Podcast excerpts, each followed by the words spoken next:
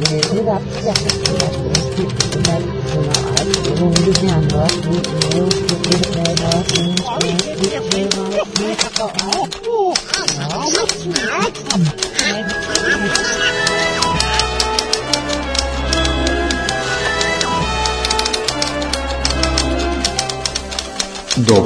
из Диснейленда. Тишина тому. Ничто меня не смешно. Ćao, čao, slušate 19. podcast dopisi iz Disneylanda s vama koji uvijek e, Miljan i Nemanja. Kosti, ja predstavi se. Čekaj da se identifikujem. Šta smo, šta smo ove sedmice? Pa što ja ne znam da kažem nikad Disneylanda.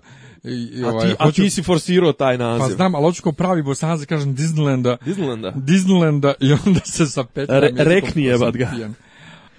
Svima koji nas slušaju, koji su juče slavili Kurban Bajram, Srećan Bajram, Bajram Šerif Mubarek Osun. Ja ne znam je se kaže Osta... za ovaj tako, ali... Kaže se za svaki, za to je, to je, to je ono što kod nas, naših poslanaca je Bajram Barečula, Bajar što ništa ne znači. Kako, kako ono ide, kako ono ide za, za Kurban Bajram? Kurban Bajram je zapravo Kurban žrtva. Aha. A ovaj, kako ono ide za Kurban Bajram? Trećina uh, sirotinji i trećina prijateljima trećina sebi ili je trećina familiji, ne mogu da se sjetim. E, Znam da trećina mogu, sirotinji ide sigurno. Ne mogu da sjetim kome ide druga trećina, ali jest tako. tako znači, jedna je sigurno sirotinji, to je ova sadaka, jel tako? Aha. To se da, daje se i meni je to fantastično. Meni je to i sjećam se da je prošle godine mnogo mnogo je bilo ovaj pozitivniji Kurban Bajram jer su bili oni migranti i tad je bilo ove godine neko napisa negdje u nekim novinama boga mi za Bajram ih zaboravili. Ovaj, ali kažem, to mi se sviđa, mi se ovaj taj taj način razmišljanja da znači daje se manje sretnijima od sebe, daje se najbližima familiji, to sve, da li se trećina ostavlja, da se trećina komšijama dijeli, u svakom slučaju dijelite ljudi ovaj sa sa sa sa, dragim osobama i sa svima oko sebe dijelite i do, više je dobro nego zla. Ja što kažu sreća je jedina stvar koja raste kad se dijeli. Tako je. Ovaj šta smo imali o nedelju? Ja nije ništa uzbudljivo bilo na što nedlje. Pa bili su izbori u Hrvatskoj. A bili su izbori u Hrvatskoj. I pod uvoga nam je Zoki, da prostiš. Pa dobro, to je bilo jasno. E, ali, ali to mi je drago. jada, poslije šake To mi je, to mi je, to mi je mnogo drago. A što neko znači. reče, je, izgubio je Milanović, pobjedila je progresivna ljevičarska mirna HDZ. Ja ću tebe reći jednu stvar. HDZ idemo, znači idemo odmah u meso, a nećemo pričati, nećemo pričati šta si, šta radio preko ljetnjeg raspusta i draga učiteljice vidimo. Sada smo imali raspust. A nismo, ali eto, ne, nećete ni pitati šta se radio prošle sedmice. Ovaj, dobro, to o tome ćemo polako. E, znači, ajde idemo odmah u, u, u, u Mesinu. E, HDZ.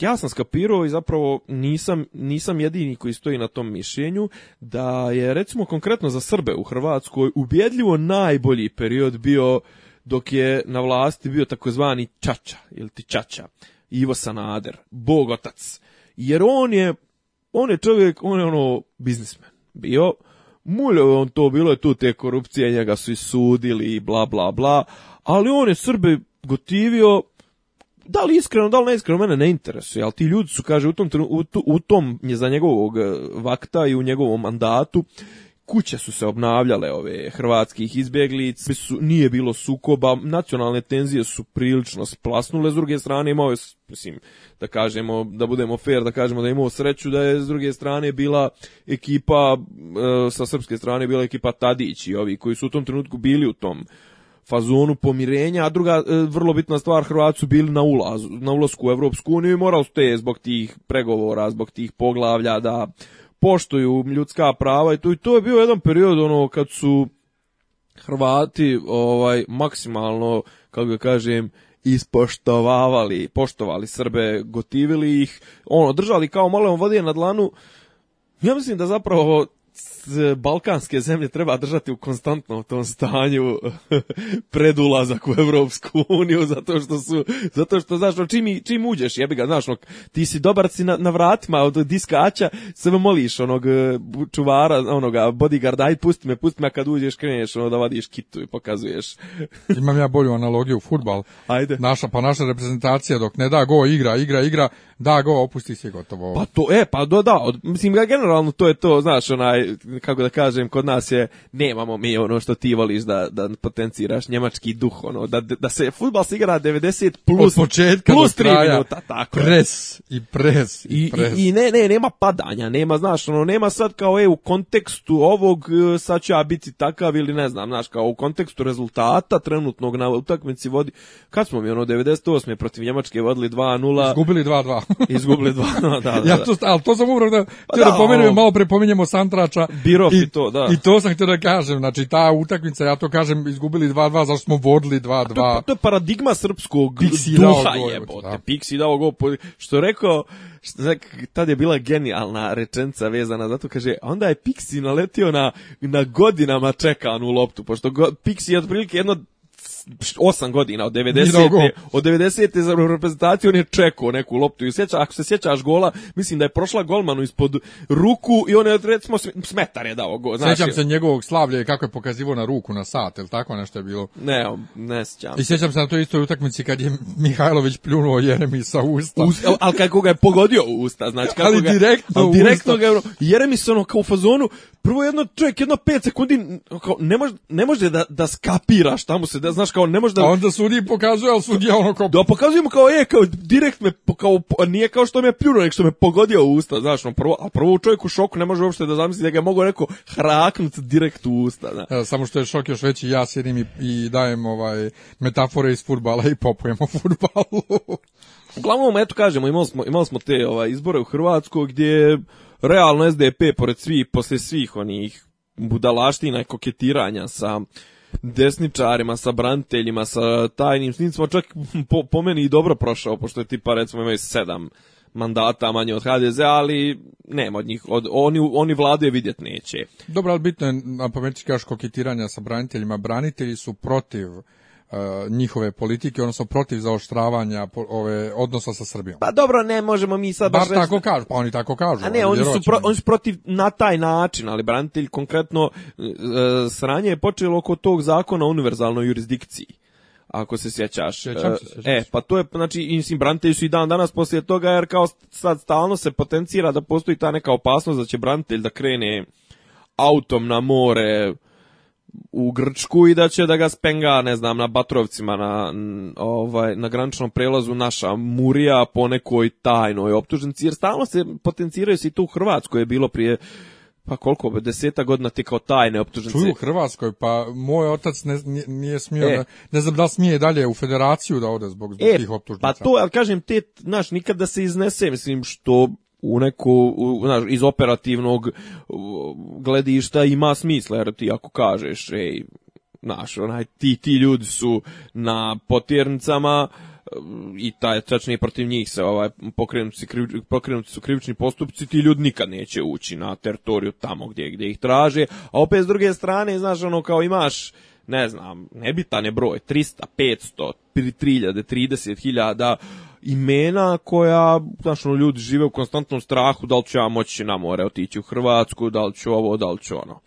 Tako, ali kažem, eto, Hrvati su, ovaj, dobili su, dobili, ovaj, izbori su završeni, dobit će vrlo verovatno uskoro novu vladu, ista će biti vlada, ali sa znatno promijenjenim e, e, odnosima snaga Karamarka nam više nema onog nasretnika koji je ispao iz neke ne znam iz kog je šalona HDZ-ovih igrača i bio neki faktor Ovaj, za razliku recimo od Kolinde, koja ima, znaš, ona ima, ona ima taj neki blagi pristup, ona je ono, ona je ono u fazonu nešto, ona bi okupljala, samo to radi, ima sam malo više stila nego Toma, znaš, i ona bi kao da bude predsjednik svih Hrvata i ono, jeste, domać, kad... onako malo domaćica, jel da? Ja vidiš kad kažeš to stvarno, ona meni od ima tu asocijaciju, ali nisam mogao da baš tačno ubodem prstom šta Toma. Pa da. Kolinda i Toma su mi potpuno pa da, to je ona, ista fela. A, a ima i onu facu neku štefce cvek, ono, znaš, ono, i nekako, i kako, kako... Zamišljam kako je dolaze, dolazi, ne znam, Obama, recimo, u poslije, to ona kaže, evo, tamo sam skuhala sarmu. Lipi, lipi moj. Da, evo, evo, sarma je gotova, sad ćemo ajde, Ajde, ajde, operte ruke, trčite, operte ruke, pa, pa doj. Ne, ali, ali, nima ono, kako se zove onaj, jel to pozorišni komad, ili čak misli da se film snimao po tome, sad ću lupit recimo možda da je Ante Tomić, ono, blagajnica hoće ići na more ili tako nekako. Pa to je, e ona mi otprilike tačno je zamišlja kao blagajnicu u nekoj banci i onda sad ona hoće da, da ide, znaš, ona zamišljaš je tako kako ide na more, kako sprema ono, kuhano i znaš, ono sprema paradajz i to. Ona mi je sva u tom fazonu kod ima tako nešto, non ono, se smješka nešto blago E i Toma ima onaj osmijeh, onaj smušen smušeni, onaj, da li sam se usruo, sam se upišao. Znaš, ono kao, mm, kao, vi ne znate, a ja sam stvari upravo, eto, znaš, kao, upiškio sam se, ali neću vam nikome reći. Toma je rekao, not yet. Jesi čuo to? Šta not yet? Pa pitali su ga, ovaj, pitali su ga da li razmišljate o tome da se kandidujete za, na predsjedničkim izborima, on je rekao, not yet tamo je kao Bond, James Bond, on je rekao yet, not yet. I onda ga naravno uzeo, ga u ono, maksimalno za, to, za tu njegov odgovor, taj brzinski na engleskom i Somborac je objavio strip u kome kaže, pitaj kao tomu, znaš, kao da li planirate da se kandidujete na izborima, on je rekao not yet, onda on kao ulazi i krišom u Acin kabinet i pita, izvini, ovaj, jesi li razmišljao možda o tome da me podržiš na predsjedničkim izborima, on kaže, not yet. Joj, pa dobro GDP, not yet, mislim, sve to. Pa GDP, e da, da, e, ne, baš ništa povodom ove Hrvatske, zato što mi ima jedna jedna... Ne, više nisam znao čak da su izbori. To je bilo za vikend, da? Da, da, da. e, recimo, šta je fora? Uh, u Hrvatskoj su u dva, recimo, ja sam već uspio da čitam dva ili četiri popodne, kaže, nakon 100% obrađenih biračkih biračkih spiskova i bira, ovaj, biračkog uzorka, ne čak ni uzorka, nego 100% obrađeni biračkih mjesta, ljudi odmah al projekcije, kod njih je čak još kompleksni ovaj, izborni sistem, pošto je tih 10 izbornih jedinica i tipa ti možeš u svakoj imati po recimo, ne znam, 3%, 5% i da ne da nemaš ni jednog ovog e, poslanika, recimo možeš imati u jednoj izbornoj jedinici kao taj IDS, Istarski demokratski savez ili Istarska demokratska stranka, dobar si u Istri, i tamo imaš, ne znam, 40-50% i dobiješ 7-8 onih mandata, ne 7-8, ali recimo 4-5 mandata, al, a u ostatku Hrvatske nemaš ni jedan i ti imaš ono recimo 6-7% mandata imaš, ali od 8, koliko, koliko, koliko, ne, koliko je kod njih, lažem, 150 ja recimo kod njih ovaj, e, broj poslanika i oni imaju recimo 7-8 i to bi kao odgovaralo nekih ono 3-4%, ono ukupno u Hrvatskoj imaju 1%, ali nema veze, znaš, kao takav izborni sistem. Ovaj, E, kaže, znači, bilo su kod njih i kaže, kod njih 100% izbor, izbornih rezultata je stiglo do sutra popodne kod nas sjećaš se da je zadnjih onih nekoliko izbornih kesa, kutija i šta već njih džakova, 14 dana se pregledalo sunce, dopisivalo se i onda kad su rekli da fali 0,75% glasa, ja, to je bio, to je bio cirkus. Išao si ti da protestuješ? Jesam, moj prvi protest u životu. Um, šta smo imali još? Šta smo odredili od tema? Nešto, nešto ne odredili smo od tema, ali ima jedna koja je meni ne znam, e, ovo, ovo dualno obrazovanje, opet, ne samo to, ne, ja sam skapirao jednu stvar koja mi je zapravo e, porazna ali ja ću se pomiriti s tim i ti ćeš meni dati ovaj, svoje mišljenje o tome.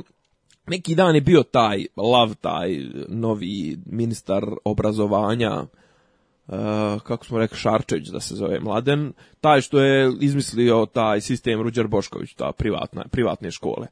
I sad šta je fora?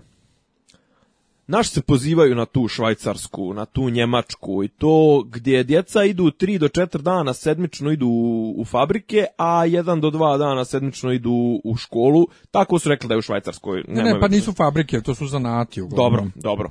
Dobro. Dakle zanatske radnje. Jeste, ali meni je kažem, meni je promjena promjena paradigme mi je, mi je bitna, znači ono što mene, ali ja sam se sad pomirio s tim, ono što mene klalo, znači ti imaš sad tu poplavu tih kupljenih diploma, toma diploma, kupljenih doktorata, mali, e, Nebojša Stefanović, imaš to sad, e, imaš priču da ti premijer ti stalno priča kako su naši ljudi, kako su naša djeca E, nespremna za pravi rad, za realan rad. Znaš, onda je on, ja mislim da je on izmislio onu avanturu kako je radio u Gvožđari negdje u Londonu, ja, Kod nekog indica. Ja mislim da je to, on to izmislio pa čisto da ima čekaj, pa taj... pa znaš da su, da su novinari tamo bili kod tih i da su ispitivali pa ja mislim da, da, da nije postojao nikad taj čovjek vlasnik, da nikad tu nije postojao to. Naravno, ja mislim da je on, to ono kao, znaš, hoće da ima ono, znaš kako ono, ko, ko pa kad Tom hoće, Sawyer Pa to je ono kao, hoće da ima street credentials, znaš, ono kao ti si kao sad hoćeš da se baviš dilerom, e, onaj, dilovanjem gudrovine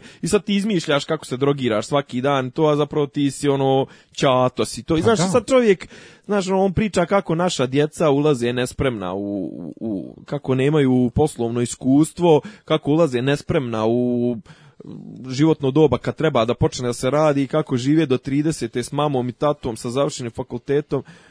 A njemu je, mislim, čovjek 20, 20 godina živi kao političar na, na grbači ovoga od 93. do 2012 čovjek je imao neki stint kratkotrajni kao novinar na, na palama imao je ono nešto kad je vodio pola godine ovu pinki halu u Zemunu i bio je ministar informisanja čuveni 98. i 99.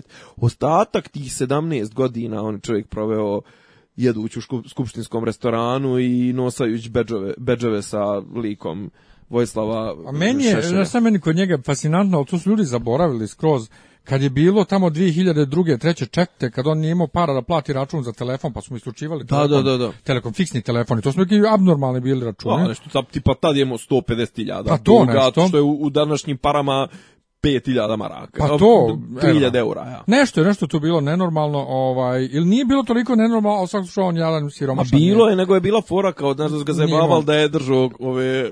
Hotline? Ma pa ne, nego kao da je Zivko ovoga, da je držao kako da kažem, to briefinge sa, sa Vojom u Hagu i to. Aha. I sad se, znaš, odjednom on em, nosi skupa odjela, em sve, a živi ko fol samo od ove plate premijerske, a sin mu ono, sjedi sad onu računicu što ima...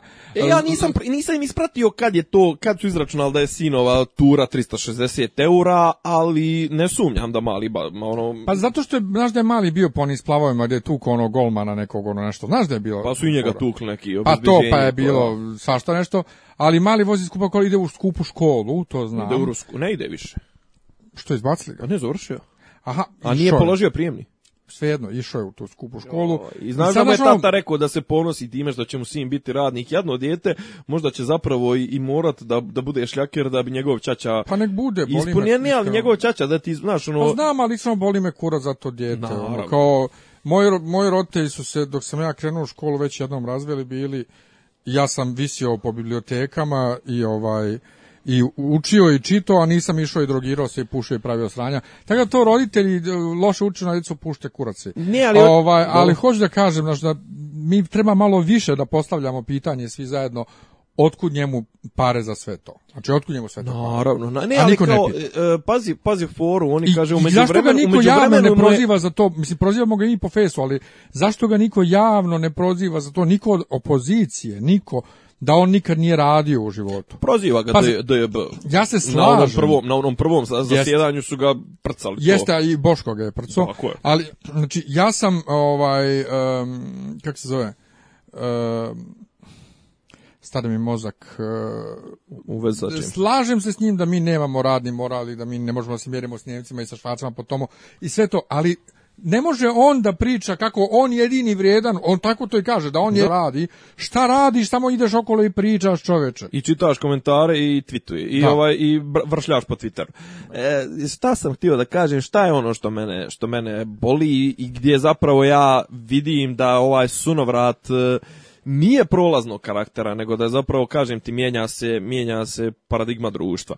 Ovaj, e, priča, taj ministar e, informisanja daje neku izjavu za medije, iza njega stoji žena sa silikonskim ustima, sa silikonskim, ona je neka pomoćnica i to, i onda recimo pročitam informaciju da je onaj neki lav koji je E, proslavio se učešćem u spotovima neke pevaljke, on je sad projekt menadžer, mislim da ovde čak od tebe napalilo li. Znači tip izgleda, tip je ono manekin, međutim, jeli, čovjek je ušao u SNS i šta je fora sad? Što to sad neki ovi ostaci, nazovimo ih, e, medija, nezavisnih i ovo par, mislim par ljudi, ova ekipica, ajde da kažemo, onoj koji it pripadamo te malo neke građanske orientacije, to sad šeruje na, na društvenim mrežama. Međutim, gdje je problem?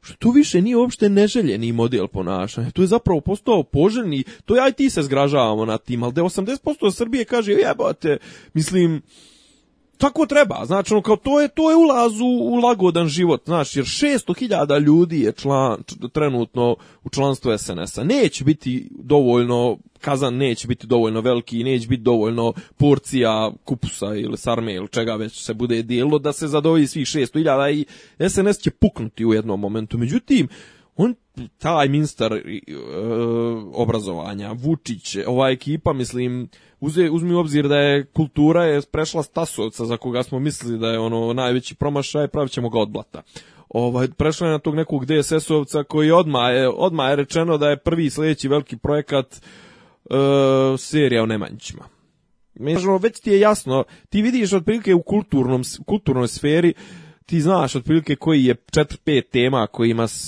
kojima se mi napajamo. To su kosovski epovi, Tesla, onaj neki Belepok e, koji fura, ovaj, kako se on zove, Bjela sa onim svojim, znaš, mislim on na to između dva svjetska rata, Montevideo, moj video, Uh, e, Nemanjić i to je neko... I Đoković. I Đok, i br, tako je, bravo, bravo, upravo smo Znači, to je pet tema. Što za seriju treba bude?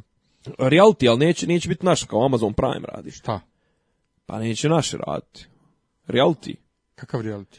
Što ulazi, pravi Đoković. Je li o tome? ja sam čuo za neku seriju o Đokoviću treba bude. Ne, to ja sam čuo da će biti reality kao gdje će on promovisati svoj lifestyle, nakurat mi se više popio i on i žena koja je zoba čija sjemenke i dijete koje slikaju sleđa, ne slikaju mu facu i žena i to što grle e, drveta e, mršu. E, to sam pičku, kažem, jesi vidio kad leži, kad je napisao da leži grounding, uzemljenje. Pa, ne, ali okej, pa, ali to grounding to, to postoji 200 godina, mislim, da, ali to ne veze s pravoslavljem. E, ali pa. je sprovalio, sad, sad, kao provalili su da ne nosi više onaj drveni krstić sa Hilandara i to sve sad nosi neko roze cirkon srce. Sad kad je skinuo, kad je cijepao majicu zadnji put. Ja, mislim, znaš, imaš manijake koji prate svaki detalj. E. Ali hoću da kažem, znači, vraćam se na ono, znači ti sad da se promijeni SNS-ova vlast, sljedeća vlast koja bude došla, isto neće gadljivo gledati, tačnije ta ekipa, taj srednji ešalon, ti ljudi koji se već ušavili i ušemili u te državne strukture, to su ti megad, megadetovci, megadensovci, unionovci, vaki to su ljudi sa kupljenim to su ljudi koje ti ne možeš impresionirati znanjem jer njih, a znanje kao znanje, ono, realno znanje, nastra, ostavljamo one, one idiote što na Facebooku kače, ono, vrkt, et, sam svoj gazda i ne trebam fakultet, završio sam najteži fakultet mogući, ulični fakultet, mislim, naš, ostavljam. Nego ljudi koji, njima i akadem, on, on su stvorili svoj paralelni sistem, i akademski paralelni sistem, i ne znam, iako je recimo, ne, baš jutro slušam ovaj jutarnji program, i ovaj Vučić, Vučić je rekao da jedini jedino što vrijedi u našem obrazovnom sistemu je Beogradski univerzitet. I ovaj da je prilično oštre komentare i sa, sa strane od strane ljudi sa Beogradskog univerziteta u fazonu Nemoj ti nas zahvališ. Nemoj da nas hvališ i nemoj ti, nemoj ti materiti da vršiš reformu obrazovnog sistema, a s druge strane, ovaj, ako je rekao da jedini koji valjaju je beogradski, pa kako će mu mali i nebojša jeste ovaj, da li on njih uvažava onda kao doktore nauka. Ali kažem, znaš, ono, mijenja se paradigma, znači sad su sil, žene sa silikonima, estradne umjetnice, e, manekeni, ti neki menadžeri, to ljubitelji stan, mislim, znaš da je onaj gradski arhitekta, onaj neki Milutin Folić, on, ono, ima one slike s, s jahtom na ono, stanija i to sve, a on je jedan od pet ljudi najbitnijih u projektu Beograd na vodi, znaš. Ali dobro, možda ima među njima ljudi koji znaju posao. Ali oni su svi postali ja strada, mislim. Ja znam nekog sa mega mega Dance, trenda. Mega trend. Ovaj, I sad se više ne zove tako, pa se John Ali ja znam nekog sa mega trenda koji je iskoristio sve što mega trend pružao u odnosu na Beogradski univerzitet ja i dosta dobro naučio svoj posao i sve, tako da...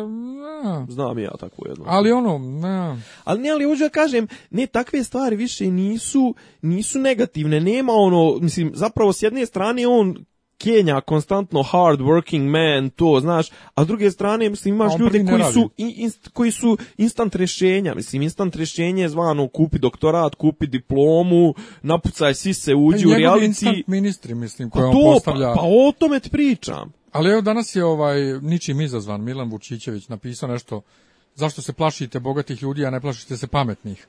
I onda je neko napisao, pa e, je, ga, došlo je sad takvo vreme da je moć u parama ovo ono i ko. Uvek je moć bila u parama. Naravno. Nikad moć nije bila u znanju. Ne, ali a ne, ali znaš gdje je postojala razlika? Postojala razlika to što što ti koji su koji su imali u tom trenutku moć političku ili imali pare su voljeli da uče od pametnih ljudi i to, a ovi sad otprilike gnušaju se gnušaju se autentično pametnih ljudi jer ti sad zamisli sad situaciju kao što je recimo bila situacija kad je profesorka tvoja prijateljica Danica Popović kad je zvala na, na TV duel Nebojšu Stefanovića da pričaju o tom, to je neko i Multi, jednač... Multiple multi, variabli. Multi, Ovaj, da, da pričaju o tome, naravno on ju je iskulirao... Da izađe na tablu da pokaže. Ne, da on ju je iskulirao, da, kao da pričaju o predmetu njegovog doktorata. on ju je naravno iskulirao jer on, on u poređenju s njom može da osjeti samo dva, dva, tri osjećanja. To je jedno je zavist, drugo je strah i treće je mržnja, ono, znaš, jer je žena je pametnija od njega, mislim, u njegovoj oblasti, a on je nesiguran, znaš, a on je nesiguran i on ne može da osjeti prema njoj ni divljenje, ne može da osjeti ni želju da od nje uči kad, kad je on, znaš, kad on nije na fer došao, znaš, on nije ona tri stepenika od nje, on je u podrumu, a ona je na petom spratu. Ovaj tako zamišljam slinu u podrumu. pa ne, ali znaš, ono, on, on, gleda od ozdo, znaš, on gleda sav istraumiran, on, on je dijete traume, jer on je, on je, on je pokušao na nekom na fir nekom, recimo na pravnom. Na pravnom, na pravnom. pa naravno, mislim. Znaš, za razliku, recimo, vraćam se na, na, na politički, mislim politički, nije on rahmetli, on će negdje u, da ispliva u, određenom momentu Selakovića, Selaković ima drugi problem, Selaković ima problem što je zaguljen i Šistafa. Ovaj, a, a, on, ali on je makar ako ništa u tom je svijetu, ali jebot viš da su i njega nogirali, znaš, da li je moguće da je neka struje u sns ono, rekla da je on suše intelektualan akademski za, za njih. Mm, samo ovaj, Vučić Dobro, po direktivi nekog spolja. Tako je, tako je, tako je, slažem se. Ovaj, međutim, kažem ti, znaš, ono, dovešće nas sa tim dualnim obrazovanjem, mislim, koje je zapravo pomeni uvod u besplatnu radnu snagu i robovlasništvo. Ali zašto? Mi, ja sam ti već to objašnjavao, mi imamo problem sa zanatima. Mi nemamo zanatlije, nama to treba. Ne treba to meni, ali ne ja, mogu, ali bi biti ja to razumijem, ali, ja volio, ali ja volio da ta djeca budu plaćena bar po minimalcu da njihov rad ne bude da ne bude to krinka ne može da ne po bude minimalcu mora tu postoji zaseban sistem kako se plaćaju nema veze kako se to zove šegrti nazovimo šegrtima ali ja, to smo konstatovali kad smo pričali o tome ja se bojim da oni kod nas neće biti plaćeni pa ja se bojim, pa to mi je, to mi je, znaš, kažem ti, na mala vrata se uvodi to, jer zašto je to sad odjednom najveća, najveći problem? Evo neki, ja isto pročitao sam, ovaj, mislim, stalno bacam te informacije zato što nemamo neke, kažem, nemam neke glavne teme, ali sam pročitao sam milion zanimljivih informacija u Paraćinu ili recimo nekom takvog radu, Požarevcu, ali recimo prije da je Paraćinu, neka fabrika treba da dođe da zaposli hiljadu i pol ljudi. Međutim, uslov za to je da grad pripremi teren i to za tu investiciju i sad šta je fora? E, izgleda da država neće, vlada, republička vlada neće da učestvuje u tome i onda su ovima je rečeno morate vi da učestvujete. Sad cifra je a recimo u rasponu od 10 do 40 miliona eura. I direkt, ovaj, predsjednik opštine je rekao otvoreno, da, nije nikakav problem, mi to možemo, ali da znate, mi to ako uradimo, zaposlit se iljadi po ljudi, to će biti zamajac našom lokalnom, to a u sljedeći 40 godina nećemo popraviti ni jednu cijev, ni ćemo popraviti ni, ni, ni 100 metara puta, ni kanalizacija, ni ovo, ni ono, znači to je naš 40-godišnji budžet. Znaš, i onda ti gledaš kao, Mislim, negdje na Cenzolovki ili na, Informeru, Insajderu, ne, nije na Informeru, izvinjavam se, na Insajderu izašlo je tipa da određena radna mjesta su se subvencionisale, išle subvencije kad se na kraju podvuče crta i do 60.000 eura po radnom mjestu. Jebenih 60.000, pa daj meni tebi 60.000, 120.000, aj ti 120.000, možemo otvrt ne radio stanicu, možemo otvrt TV stanicu. Kafić. A tu znaš kakav je, kafić, restoran. Ne, ne, ali kažem, u, evo sad, kao Olafo, ja ti smo medijski poslanici. Zamišljamo Joj, nemoj da matere ti da koristiš predavno. Ne, pa zajebavam, znaš, zato koristim baš kao floskulu, zato što je, ja, zato što je uvrežena, jel smije ja, taj, ja, jel smije naravno. Ja dobijam, ja dobijam proliv kad kažem medijski poslanici ili turistički poslanici, kulturni poslanici, kao serem ti su poslanika. Ovaj... A, a ovaj- uspenje? da, uspenje. Pa dobro, nisam ni ja to znao šta to znači do skoro. Aš mogu sad ja se kučim, ja sad znam, nisam ni ja, ja znao do skoro. Ja priznajem da sam ja bio, Znaš, ali A što najbolje, pola crkve isto to tako misli i zato se ona i slika onako kao da se uspinje gore, ali nije se ona uspjela tela, se ona ne Da, a čekaj, a jel to, jel to ima veze, a, jel, e, a voznesenje? To je drugo, to je, to, to je jasno znači. E, pa to. Ali nigdje se ne kaže voznesenje bogorodice. Da, da, okej, okay, okej, okay, ali kaže, mislim, to, ta, taj o, termin se koristi u tom, Za U tom smislu, da. Ovaj, i kažem... Zato mi kažemo u simbolu vere vaznio se na nebesa, da. a ne uznio se na e, nebesa. E, ovaj, ali kažem, znači, mene, taj, mene konkretno od svih ovih aspekata naše vlade, njene ekonomske, svakakve politike, socijalne, eugeničke, ovo ono, najviše me plaši ta, to dualno obrazovanje i kažem, ta promjena, ta ono, to imaju stvarno dobar ovaj, kako bi to kod nas rekla engleska, kažu shift, znaš, ono, tačno kao, znaš, kao kad se promijeni se sa, sa, sa, na onom, na, na, na kriv, ne kriva, nego na onom, kao, znaš, na onom, potenciometru, šta već znaš, kad se promijeni se sa, sa jedne strane, pređe stvarno na drugu stranu, kažem mi smo sad prešli smo, pomjeri se, pomjeri. se od divljenja, znaš, od toga da su ti uzori ljudi stvarno ono working man, znaš, ono, ljudi koji su svojim trudom, radom, ne znam, nebitno, predsjednik Akademije nauka, ovo ono sad ti stvarno imaš ta instant rješenja, eto, pojavio se dva put reality i sad si, jebote, je sprovalio da ko, ono, Ljubiš, Ljubiša Ristić, neko ili neka nova postavka, neka učestvuju zvijezde realitija. Ali recimo vraćam se konkretno. Kako Ljubša Ristić pričati? Znaš ko je Ristić? Ne. Onaj ljulovac onaj Brko, onaj čuveni režiser. Pa on pravi neku novu... Pa ovo što će bre ova Stojmenov će da... Bojana će da bude alternacija... Stojmenov. Stojmenov, pa rekao sam. Ne, Stamenov. Stamenov, izvinjavam se. Bože dragi, izvinjavam radio sam sa sestrom, zbunio sam me, hoću da zaspim. Ne, ne. Ne, ovaj... Šta e, radim? pa imaju neku prave neku predstavu i tako nešto i prva violina će trebalo bi da bude Nataša Bekvalac, a ova da joj bude alternacija za... Kakva violina? Prva, pa prva violina, prva zvijezda tog, u toj podjeli, joj bože, čekaj, sad ću da googlam. neka predstava, ne mogu da se sjetim. Nataša... Mm, Dobro, Bojana ima pozorišnog iskustva, ali ona je radila za djecu, ja mislim. Mapetovcima je glubila. E, ali šta je fora? E, najnovije vijesti. Šta je fora? E, kraljica Draga Mašin. Kuku. Jeste, ali mislim kuku mi je i da Bojana stameno bude Draga Mašin. Što što fali? Pa nešto ne, ne, ne zamišljam, mi je samo... slike Drage Mašin. Pa znam, ali, ali mi je hit totalni da ona bude alternacija Nataši Bekvalac, da, je, dvije glume isto Tako je, isto tako neka je, ne znam ko je ovaj, koja je isto bila nešto se spremala, neka i ladno su kao zvali su učesnike parova. Ali ako ćeš se sjetiti... Čekalo, parovima je bilo tih poznatih pevača i pevača. Ma ne, ali ovo zbaš neki, neki amateri. E, na iPhone i tako.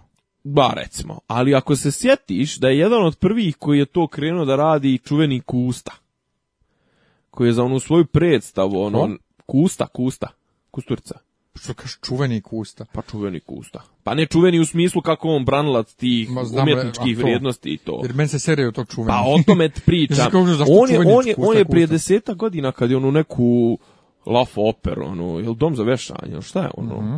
Pa znaš da su mu isto prve, prve violine done su mu bili ona neki Stevan Anđelković iz Zvezdi Granda i ona neka iz Zvezdi Granda. Mišljen je ekstra, Stevan ekstra pjeva. Ali zvezda granda. Pa kakva vezima što je zvezda granda? E pa Dobro jebe, e o tome pričam, viš ni tebe više ne smeta to. Pa što bi smetalo? Čeka, ali tada... To je dom za vješanje, to, ma, mali voli cigansku muziku i dobar je u tome i šta. Pa ali kažem, ali to onda, znaš, ali to ni... Koga bi ti stavio? Što Mike Jevremovića? Je li to hoh umjetno? Je li to visoka umjetnost? u opera Otkad je, od prvo, če, ajmo redom. Prvo, otkad je visoka umjetnost, drugo, kad je dom za vješanje visoka e, umjetnost. E, o tome I treće, otkad, znaš, a, a četvrto, zašto nije? Zašto ne bi bilo? Šta? Pa zašto ne bi bio Stevan Anđelković visoka umjetnost? Zato što je Kusta nije pod broj jedan, sad si sam rekao. Pa, dobro, ali zanemarimo Kustu, što ne bi bio? Pa i on je čovjek zapravo u realitiju. Mislim, proslavio se u realitiju. Ko? Pa Stevan. Pa, pa dobro, ali da, su... Ne, ali te talent emisije su malo talent emisije su malo drugačija vrsta reality. E, jesu možda te, ali talent emisije u koje, koje počinju, čija sezona počinje sa time što Saša Popović ismijava mentalno oboljele ljude i ograničene. Dobro, to se radi u svakom. Znači, najveće zvijezde američke country muzike trenutno tipa Carrie Underwood su na, e, potekle iz američkog idola, se isto to radilo. Znaš, pa meni je to trash Pa jeste trash, ne, ali, ali što radi ovaj, ne znam, ako si gledao nekad, on je to možda gledao nekad oni klipove na YouTubeu, kad odu dole, ne znam, ono u Vlasotince, ili tako nešto i onda i onda dođe neki ona lokalna znam. luda, znaš, znam. mislim ono uđe i onda mu se ovi sad smiju i ajde, znaš, mislim Saša Popović koga bi ja vrlo rado ne znam, ajde. Znam, ali, pričali smo već o kulturu, elitizmu i rasizmu, znači koji sad ti upravo izvodiš. Znači to što je on iz Zvijezda Granda ne znači da ne zna pjeva, naprotiv. Zapravo jedini Jedini koji ne, jedini, nemam ja ništa jedini kod nas iz tih svih emisija koji stvarno znaju da pjevaju su ti zvijezda grande. Ne, ne, ne, imam ja ništa protiv toga, ali mene je problem što se to predstavlja kao, ne, pro mene je problem što se to predstavlja kao sad Kusta pravi operu i sad je to... Dobro, ali to je Kusta koga ali, jebe. Ali nije koga jebe, Kusta je državni e, režiser. Pa dobro, ali ti znaš koliko je on, koliko on tih naturčika, cigana guro po tim svojim filmovima, pa su svi bili u fazonu umjetnosti. Sjećaš se u domu, u domu zdravlja? u domu zdravlja koliko je cigana glumilo koji nisu glumci. Znam, čo, znam čoveka, lično. Pa eto. Ovoga, kako se zvao, Hašimović, e, Hašim, koji je tad glumio Merđana njegov burazer Husnija, onaj, moja firma je bila godinama u Husninoj zgradi. Ne, ne, ja nemam ja ništa protiv toga, nego hoću da kažem kako se promijenilo se to, to, na to se nekad gledalo kao na, na umjetnost za raju i to sve, a sad je gledalo to... gledalo se nekad i na opere koje su sad kao ono, i, to isto bilo umjetnost za raju. Pa ne, ne, ne kažem, ali sad je to, ne, ali sad je to postalo, sad je to postalo, e, kako da kažem, državni, to sad državni projekt. Mislim, Kustina opera i nije nekako, ali Kusta šta god čega se ufati, e, to je državni to, projekat. Ali nije problem, dakle, sama opera što je državni projekat i ovaj nije nego je problem što to kusta prodaje nego je problem što je to kusta i koji prodaje koji prodaje određeni sistem vrijednosti koji je krš da nije on ne bi to ni bilo nego je Kusta taj koji je problem. Jesi pratio ovih dana što se pljuvali oni Depardije? Ja, jesam. Ja, jesam, ali... Ali, ali ja, ja, ja nisam znao da je on odgovorio. Ja, provalio odgovor njegov u stilu Vučića. Ne, a e, ja neću da ne, kažem. ne, zamisli da, ja, kažem, to. E, ali ja to neću. Ali meni je to u ovom... ga, ono kako ga je žena ostavila i to sve kako je se jebala s drugim. E, onda ali ja to neću. Ne, ne, meni je to u ovom slučaju sasvim opravdan nastup. Znači, a dobro da znači, prdje krv. A, a pasti, ti znaš da ja koliko ja ne volim Kusturicu. Znači ja bi njemu zabranio pristup kameri, ovaj pristup javnosti ti, bi njega držao u planini. Pa to ja imam taj odnos prema njemu isto kao, kao, kao to što je rekao i muslimani koji imaju to njegovo, znaš, to to njegovo tripovanje sa srpstvom, znači, meni to ide strašno na kurac. Naravno, Emire, Emire brate Allaha ti ne zajebavaj. Ovaj ali Depardije je to super rekao sve. On je, ne, i super on je, je rekao super i Ne, on je Srbina, nije Srbin, ali ja sam prije Kuste na nečijem profilu rekao, a to što se ovaj pravi da je Rus, to nikom ništa. A, iz poredskih razloga. Ne, ne, ja nisam ulazio u koje razloga, ali kao naš, kao Kusturica se pravi Cigan, pravi se Srbina, nije ni drugo, kao, brate, ti se praviš da si Rus. Koji kurac? I onda Kusturica odgovorio da ovaj krade posuđe sa reklama i ne znam nešto kao, joj, ovo je ekstra. Ne, da, da, ima jaka kao da, da lijepi, lijepi puškice po kolegama glumcima jer zaboravlja tekst. Joj.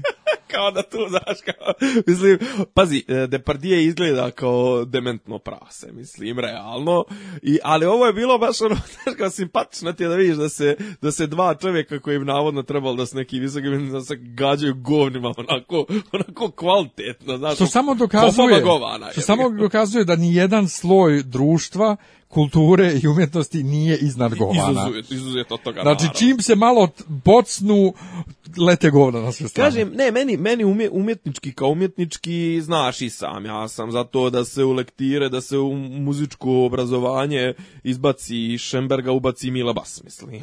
Ja sam za to, nemam ništa, nemam ništa protiv toga. Ja mislim da je to zapravo vraćam se opet na našu večito inspirativnu temu Južni vetar, to je u zadnjih 50 godina, možda čak i u cijeloj E, srpskoj muzičkoj istoriji jedini autentičan, jedini stil koji ima neku, kako da kažem, težinu, tako je. ovaj... Slušao sam danas Sakića, mi ko druže moje, pa zato to je heavy, pa to je A znaš zašto? Poslao mi drugar, ovaj, jer ja ovih dana, pošto slušam mnogo, kao što znaš, Južni vetar, i pominjem stalno na fesu, jedan drugar doktorant u to vrijeme, Aha. čovjek Doktorant bio da, da, doktorant. Ovaj, bio mi gost u emisiji, pa rekao sam, ovaj, bio mi u emisiji i on je inače eh, iz Leskovca. I ovaj, eh, kao što je južni vetar iz Leskovca. Naravno. I seli pa mi... se zove južni vetar. Pa da, i seli mi u, ovaj, u desk i jedan kolega nam je puštao pesme Južnog vjetra. A to takmičenje što ste imali. Da, da, a ko će prvi da pogodi? To je bukvalno na jednu sekundu čuješ tak prvi. Šemsa Suljaković izgubila sam sam Bolje bolji od Šazama. Da, I taj, pošto sam to juče pominjao i Tago ovo koji nam je puštao muziku, danas mi šalje video, prepoznaje pesme, on na gitari svira. Tri pesmice za drugom. E, prvo je bilo ovaj, od Sinana... E, joj, zaboravio sam, ne traži je sine. Nije, ne traži sine, nego uh, pusti me da živim, ne idem i sreću, ja mislim Aha. tako nešto. Ili neka druga. Ne mogu se znao sam prvu prepoznao na prvi takt, drugu nisam mogao da prepoznam, ali sam znao da je ili nek puknu dušmani, ili nešto o čem se, ali bilo mi u glavi da je neka, due, dup, neka grupna. Da, da, da. da je neka grupna i treća je bila na prvu Mi se volimo. A ova druga je bila e, svi grešimo, svi grešimo, ali ti nisi od Sinana i ove. Ali mi je to fascinantno, ono, južni vetar, koliko je to patina je masno masno ne ali hoću kažem e, ni e, ajde kulturu kažem da ostavimo da ostavimo na, na, čas nego nego ta kultura reality ja mislim znaš da ja nemam apsolutno nikakav problem s tim nek se emituje opet su opet je povodom tog ministra kulture on je rekao nešto, šta je on imao neku izjavu tipa da da, kao prva stvar koja će biti bit će udar na realitije. A prijatelju, nije to naš najveći problem. pa, Bio, bio on u Narodnom muzeju sad neki dan, e. obišao je turu i kao predugo je zatvoren muzej, predugo se odlagalo svašta i sad je on dobio uverenja od svih koji rade na rekonstrukciji da će sada se radi punom parom i šta je rekao, da je rekao 2017-2018 nega će biti otvaranje ponovo. Od 2003. Ja, ja ga se ne sjećam, jednom sam zalutao u njega kad sam tek došao da studiram i naravno posto ga nisam uspio. 2003. Nacionalna, nacionalna muzej. ustanova čovječa, ali ono, nacionalna ustava top klase, znači to narodno pozorište... Glavni muzej u zemlji. Glavni muzej, glav, znaš, ono, imaš narodno pozorište, narodni muzej, šta ima još, ono, koja je glavna galerija? Sanu nije. Jel imamo mi državnu galeriju? Nemamo. Mm, nemamo, ali eto može Sanu. Sanu... Etnografski u, u, u, Da, u likovnoj umetnosti, znači to je galerija Sanu. Imaš ove muzeje, ali to nije nijedan, nije te klasije muzeje savremene umetnosti, afričke umetnosti, znaš, ono, ništa, ništa nije na, ono narodni narodni muzej. Narodni muzej. Ovaj, i kažem, e, vraćam se ponovo na to, to dualno obrazovanje, taj, znači ti obrazci, poželjni obrazci napredovanja u društvu, poželjni obrazci ponašanja, poželjni obrazci, znači, e, to je ono, jebi ga, vraćam se na, na premijera, znaš, ono, nema više nikakve odgovornosti za to šta si ti radio u prošlom životu, u prošloj godini ili juče, znaš, jer ako je on mogu, ako njemu može da se progleda na rečencu za sto, za jednog e, ubijenog Srbina mi ćemo ubiti sto muslimana, znaš, onda može i ovom nekom da se progleda to što je glumio u, ne znam, spotovima turbo folk pevaljki ili to, kažem, tom čak i ne smeta, nego to, pa dobro, učešće u realitiju više nije... Stani, ali ako on uspud dobar arhitekta, što da ne? Ne, ne, ne taj, ne taj, ne taj, ovo je brekinik projekt menadžer, šta je projekt menadžer u pičku mater. Nije dobar arhitekta, je arhitekta, sam, samo se slikao sa Stanijom na, Stanija moje drugarca i slika se s njom na, na ovome, na nekoj jahti. Ali ovaj, ovaj, kažem ti, si projekt menadžer, znači on će raditi projekte po opcini Palula. Kažem, čovjek je ono, znači jedine reference, onako, nije problem to da si ti radio, ali nekako, znaš, to poznato je da, to je, da je to nespojivo sa nekim drugim stvarima, da čovjek koji... Ko kaže? Pa ima, ali ima, ima slučajeva, ali recimo, ne znam, mislim, ne očekuješ ti sad od uh, Đoganija da traži da bude ministar kulture. Ali ako je mogla Zorca Brunsk, može i on, mislim. Ako je Zorca Brunsk trebalo da bude. Ili Toni Montano kad je htio da bude. Hmm. Toni Montano je psihopata. Pa dobro, to, to svakako. To znamo, ja. Ova, ali mislim da malo zalaziš previše u kultur kultur rasizam, u, taj neki elitizam. Mislim, kad bismo išli po tome, ja pola stvari koje radim ne bi smio da radim. Pa znam, ali ti ne pucaš ni na kakvu javnu funkciju pa ne pucam, ali dalje radi milijardu stvari i dobro ih radim. Radim i ja, mislim, ali kažem, ne pucaš, ne, nije samo to, ne kažem, ta instant rješenja su postala e, popularna i... Pa naravno, zato što živimo u zemlji u kojoj jebote plata e, takva kakva je, a cijene takve kakve su. Naravno, naravno da će svako da ganja, neće da radi 20 godina, sad ima 25 ili 30 godina, neće da radi još 20 godina da bi zaradio nešto da bi imao normalan život, nego će sad odmah da živi normalno ako ljudi žive Jesi ti, ti vidio da nas je premijer nas je napušio, duo nas je kurcem što, što su se neki krenuli oduševljavati činjenicom da je u Švedskoj smanjen ovaj broj radnih sati pa, u On nas napušava kurcem stalno što smo ne, ološi ne Što smo ološi ne ali kao, ha, kao, i on tvrdi kao da su šveđani, znaš, kao to će, košta to šveđane?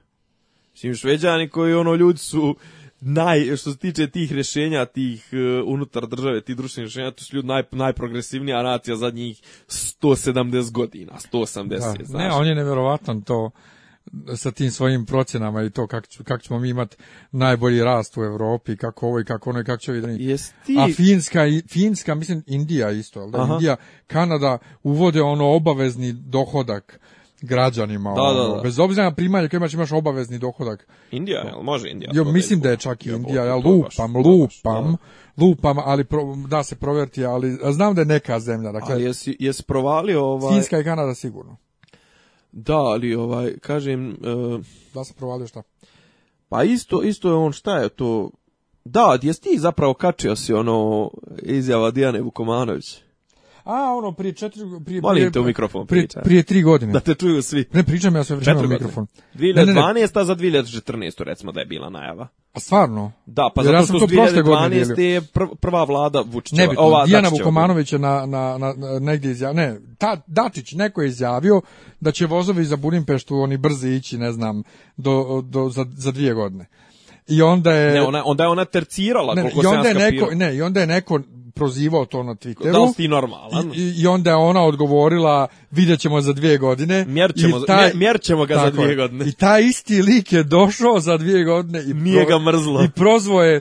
Evo, hoćemo sad hoćemo, da izmjerimo. Hoćemo ga mjeriti. Hoćemo da izmjerimo, ona naravno ništa nije odgovorila i to je postao ono pobjednički tweet za mene. ono, Zatvorite Twitter i onda sam neki dan mi je iskočilo da je to bilo kao ova... To je bilo 2014. Je, On njoj došao i rekao hoćemo da mjerimo, da mjerimo. brzinu. Brzi, brzi Evo 2016. Ali apropo kad smo kod godišnjica, ja sam malo ovaj se ne mogu ja to, mislim, meni, jeste ovaj 9, 9, 9, 11. septembar, 9. septembar, 11. septembar jeste to bilo strašno i sve, ali 9, ne mogu, 9. ne mogu ja to naricanje ovaj, toliko, pa sam namjerno napisao na status koji se koncentrisao na kviz, kao, ali ja mislim da oni nikad nisu pustili nastavak kviza. I e, ja sam učestvovao, ovaj, najslabija karka je jedan od kvizova u kojem sam ja učestvovao. Ima neki u kviskoteci vjerojatno da nisi. Nisam. I u brojkama i slova. Samo da objasnim šta sam napisao. Znači, naime, ja sam 11. septembra 2001. sjedio u Derventi Spremo prijemni za Bogoslovski fakultet koji je bio na današnji dan, 13. septembra. To je neki drugi rok ili... Pa drugi rok zašto je Vladika kasnio sa blagoslovom. Ovaj, a da bi se upisao bogoslovski fakultet moraš da imaš dakle blagoslov od vladike, moraš da imaš ovaj potvrdu od psihijatra da si zdrav, ljekarsko ono obično uvjerenje da si ja zdrav. Ja ti rekao dođi momče. Da, da, da, da. Ovaj, i onda sam tako sjedio i gledao kviz, spremao učio i na RTL u Njemačkom i odjevom prekidaju zbog nesreće u Njorku. Pola tri, moja, pola tri popodne ponaše. Pola tri, pola četiri, tak nešto. Ali moja poenta... Pola tri, zato što je u Njorku je bilo lokalno vrijeme, je bilo pola devet, ujutru šest sati. Pa mislim je bilo devet i nešto, ali ne bi... Prvi je bio u pola, Aha, ono drugi je bio... Nebitno ne, poenta... A, a sjećaš se fore kao, prikazuju kao, jao, upravo se desilo sranje, svi snimaju... Pa to, to i Onu, kao, već je ja nisam, prva gori. Da, da, Ja nisam htio u to da ulazim sad u ovom statusu, ali ja, znači, prekinuli su kviz ide ovaj njemački ovaj voditelj glavnog dnevnika i kaže desila se nesreća, avion udario u World Trade Center, bla bla bla bla, a iza njega ide slika Fox Newsa. I odjednom vidiš avion drugi koji doleće, uleće, on se okrene i kaže izgleda da je ipak nije bila nesreća. Ono je... Ova, Ali ono- je mog statusa bila na kvizu, dakle prekinuli su kviz, ja mislim da RTL nikad nije pustio nastavak tog kviza. A ti si gledao Njemačko, a ja sam se gledao, da, da Pa nije postojala, to je 2001. prva. nisi ni mogao gledat BK. Ne, ne, ali nije postojala najslabija karika nigdje, osim kod nas još nije postojala. To je 2001. A, ali to, to je engleska, ali tako, to vodi on amatora. A dobro, ali nije naša varijanta, nije, nije, nije postojala još. Ni, mislim da nije. Jer sam ja u tom trenutku bio na kvizu na tadašnja televizija Košava se zvala, mislim, i bio sam i kažem ti izlazimo iz studija, ono, kao završili smo snimanje i portir onaj koji je kao zadužen na malom onom televizorčiću gledaj ovo, šta je? Napalo Ameriku, šta je napalo Ameriku? I, usto u tom trenutku kao gledamo tu, neko se uključio se u CNN, ne znam šta je, ni možda čak nije ni RTS, nego recimo da je BK baš bio. I u tom trenutku, znaš, kao dok ovi pričaju šta se doleće dešava, drugi. doleće drugi. ali to je, pazi, to je, to je definitivno događaj koji je koji je obilježio i tvoj i moj brate život mislim to to je događaj najveći sa najvećom to je promijenilo, amplitudom to je promijenilo vazduhoplovstvo civilno za cijeli svijet da ja ne smijem u avion da unesem kap za nos bez dozvole ljekara nije, nije samo vazduhoplovstvo to je promijenilo bre odnos snaga na ma dobro to svakako ali ja govorim za mene znači za mene lično za moj život ovdje u Srbiji na Balkanu a dobro ti 2001 nisi letio toliko ne govorim ti danas da, 15 godina poslije ja i dalje moram na aerodromu I da, da, da, izvadi, da skinem patike, da izvadim kaiš da se skinem malte nego da bi prošao kroz, detektor. Ne, ali kažem, zamisli ti koliko je tu ovaj, E, šta je? E, izvini, znaš da su promijenili jednu e, epizodu Prijatelja zbog toga. Eto. Jer u, u, u toj epizodi koja treba bude emitovana da dan poslije ili dan, dan poslije, da, Chandler i Monika idu na, na ovaj, kako se to zove ono? Bračno putovanje. Bračno putovanje. Mene, i, Honeymoon. Da. I ovaj kaže, ima tamo natpis, e, nemojte da se šalite sa bombama. Don't, make, o bombama. Don't make jokes uh, about bombs. The gender sokrene policajak i kaže, ja svoje bombe vrlo ozbiljno shvatam. I onda ovaj, ih drkaju. I da. onda su tu scenu skroz promijenili i izbacili zbog toga što se desilo. Ovaj, ali ne, ali govorim, znaš, ono, kako je to, kako je to promjena u razmišljanju bila, jer ti u tom trenutku 2001 Rusi su raspad, znaš, no, mislim, mislim da je recimo to konkretno bio posljednji ono što kažu ovaj u kovčeg e, Fukuyamine teorije o kraju istorije. Tačno je o tome da je eto, pobjedio liberalni kapitalizam i više od sad će, cijeli svijet će biti jedna velika zelena bašta, cvjetna bašta u kojoj ćemo svi da trčimo okolo i držimo, se za ruke, ruke i, i skakućemo i to kao, znaš, onaj Simpsonovi, kao, da li možete zamisliti život bez advokata, ono, kao, ne znam, ono, neko zažmiri, ono, kao ljudi koji skaču, igre, pjevaju, znaš. E, otprilike, znaš, kao tad je bilo ono, pa nema više neko, eto, Rusi su propali i ako ništa primili su se na to, naše Kinezi nikad neće biti neka opasnost u smislu, ona, nisu ekspanzionistička nacija, nemamo više neprijatelja, znaš, kao zapadni sistem, liberali, neoliberalizam, kapitalizam, nemaju više protivnika, znaš, ona, i onda jednom dolijeće to, znaš, Ameri uvode taj Patriot Act, ono, uvode sve te moguće provjere, ovako, onako, mislim, da njihovoj vladi se dozvoljava, na osnovu tog patriotskog zakona, dozvoljava im se da prisluškuju, da ono, NSA dobija mnogo veće ovlasti, onda oni kreću u te svoje glupe ratove, kreću, mislim, udaraju na Sadama koji, mislim, ok, prije toga su oni udarili na Afganistan, ali, mislim, oni udaraju na Sadama koji nema veze s tim, ali kao Sadam ima WMD, Weapons of Mass Destruction, mislim, a kurac na kraju se ispila lažu, vlače se u, u, u Irak, kobrljaju se po Afganistanu, pojavljuje se, mislim, poslije alka ide evo, pojavljuje se islamska država, dan danas mi poslije tog akta osjećamo posljedice.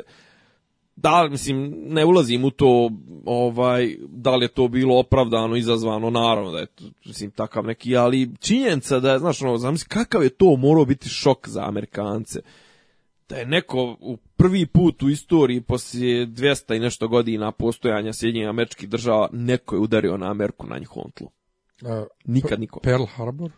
Pa dobro, ali to je, to je 5000 km od, od, pa, od ovoga svejedno isto je ne ali ovo je ovo je ono što kažu American soil znači ovo je ono pazi New York jebem ti a da račun kao Hawaii pa nije kao pa, pa, je to okay, ne ne ovo je ono udar na u srce Amerike znači i to i na Pentagon ej, Pentagon, naj, naj, najrada na, na, na svijetu, ono, mislim, naj, navodno najbezbjed, najbezbjednija, najčuvanija, naj ovo, naj ono, znaš, često se previđa taj moment da, da je, da i na Pentagon je pao, pao avion, tako je, znaš. Tako, tako da, ovaj, to je, kažem, događaj koji u, u, u, u ono, zemljotres, čija, ono, magnituda politički, politički svakako pa društveno. kažu ono aftershock, ovaj, oni potresi posle i dalje traju. Pa to ti kažem, mislim, ja i ti dan danas živimo u to, mislim, realno, realno cijeli poslije brušenja Berlinskog zida i, i poslije, ne znam, ono, raspada SSR-a,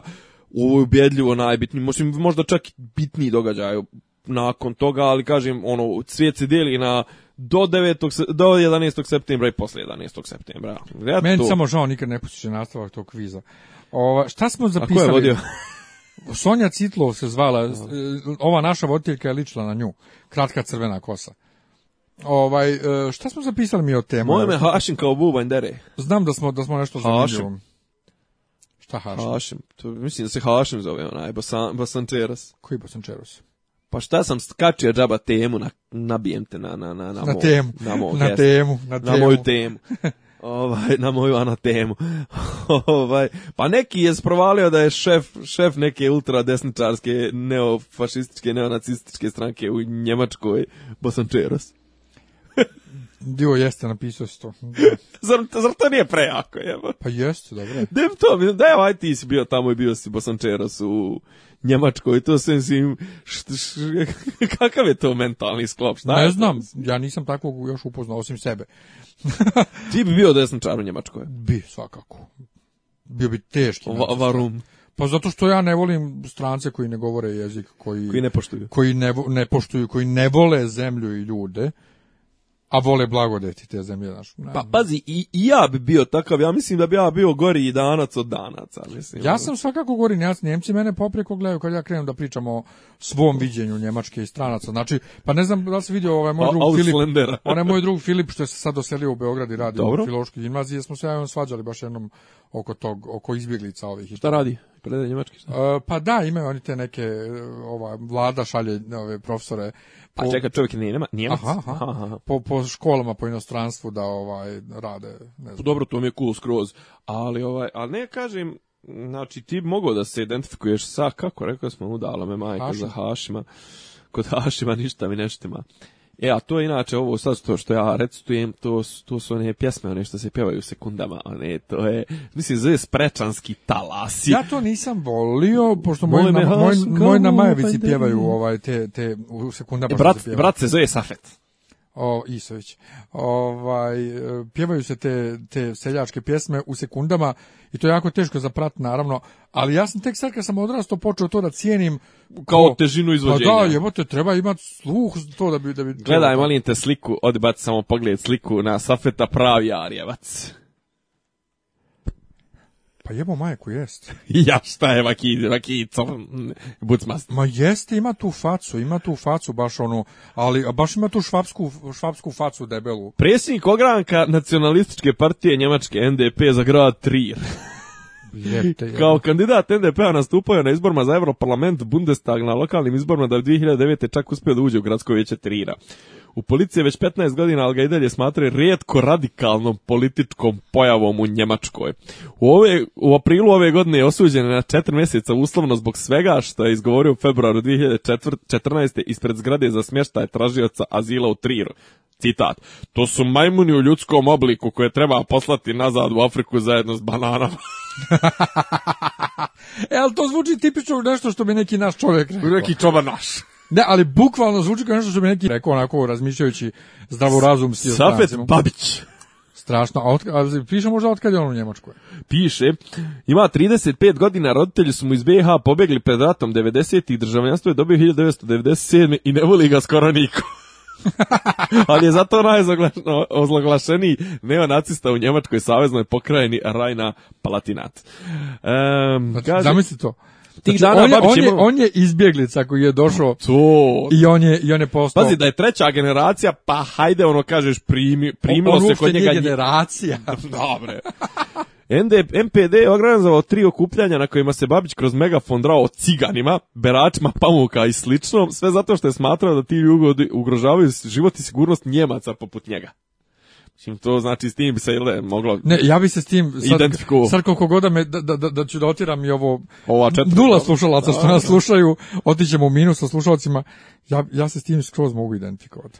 Zato što U većinu ja, prodavnica i kafića po gradu nisu ga duše stanovnici Trira ni ranije puštali da uđe, jer je prije imao običaj da govori takve stvari. A 2010. sud tri osudio ga na sedam mjeseci uslovno zbog napada i nanošenja tjelesnih povreda. Koga je napoj povrijedio? Očigledno nekoga za koga je smatrao da nije dovoljno nijemat za razliku od njega i drugova iz MPD-a.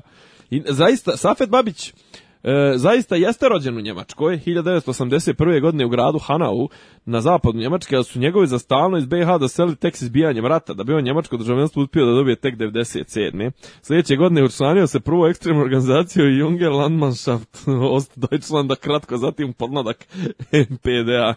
o bože. E, ali um, vidiš to pokazuje ono što naši ljudi ne vjeruju o Njemcima, Dobro. a ja stalno pričam. Znači, Njemci ne vole da nimalo da, da ih ti veličaš, da sami sebe veličaju e, nacizam i to to je takav jedan užasan ogroman no no no no no u Njemačkoj.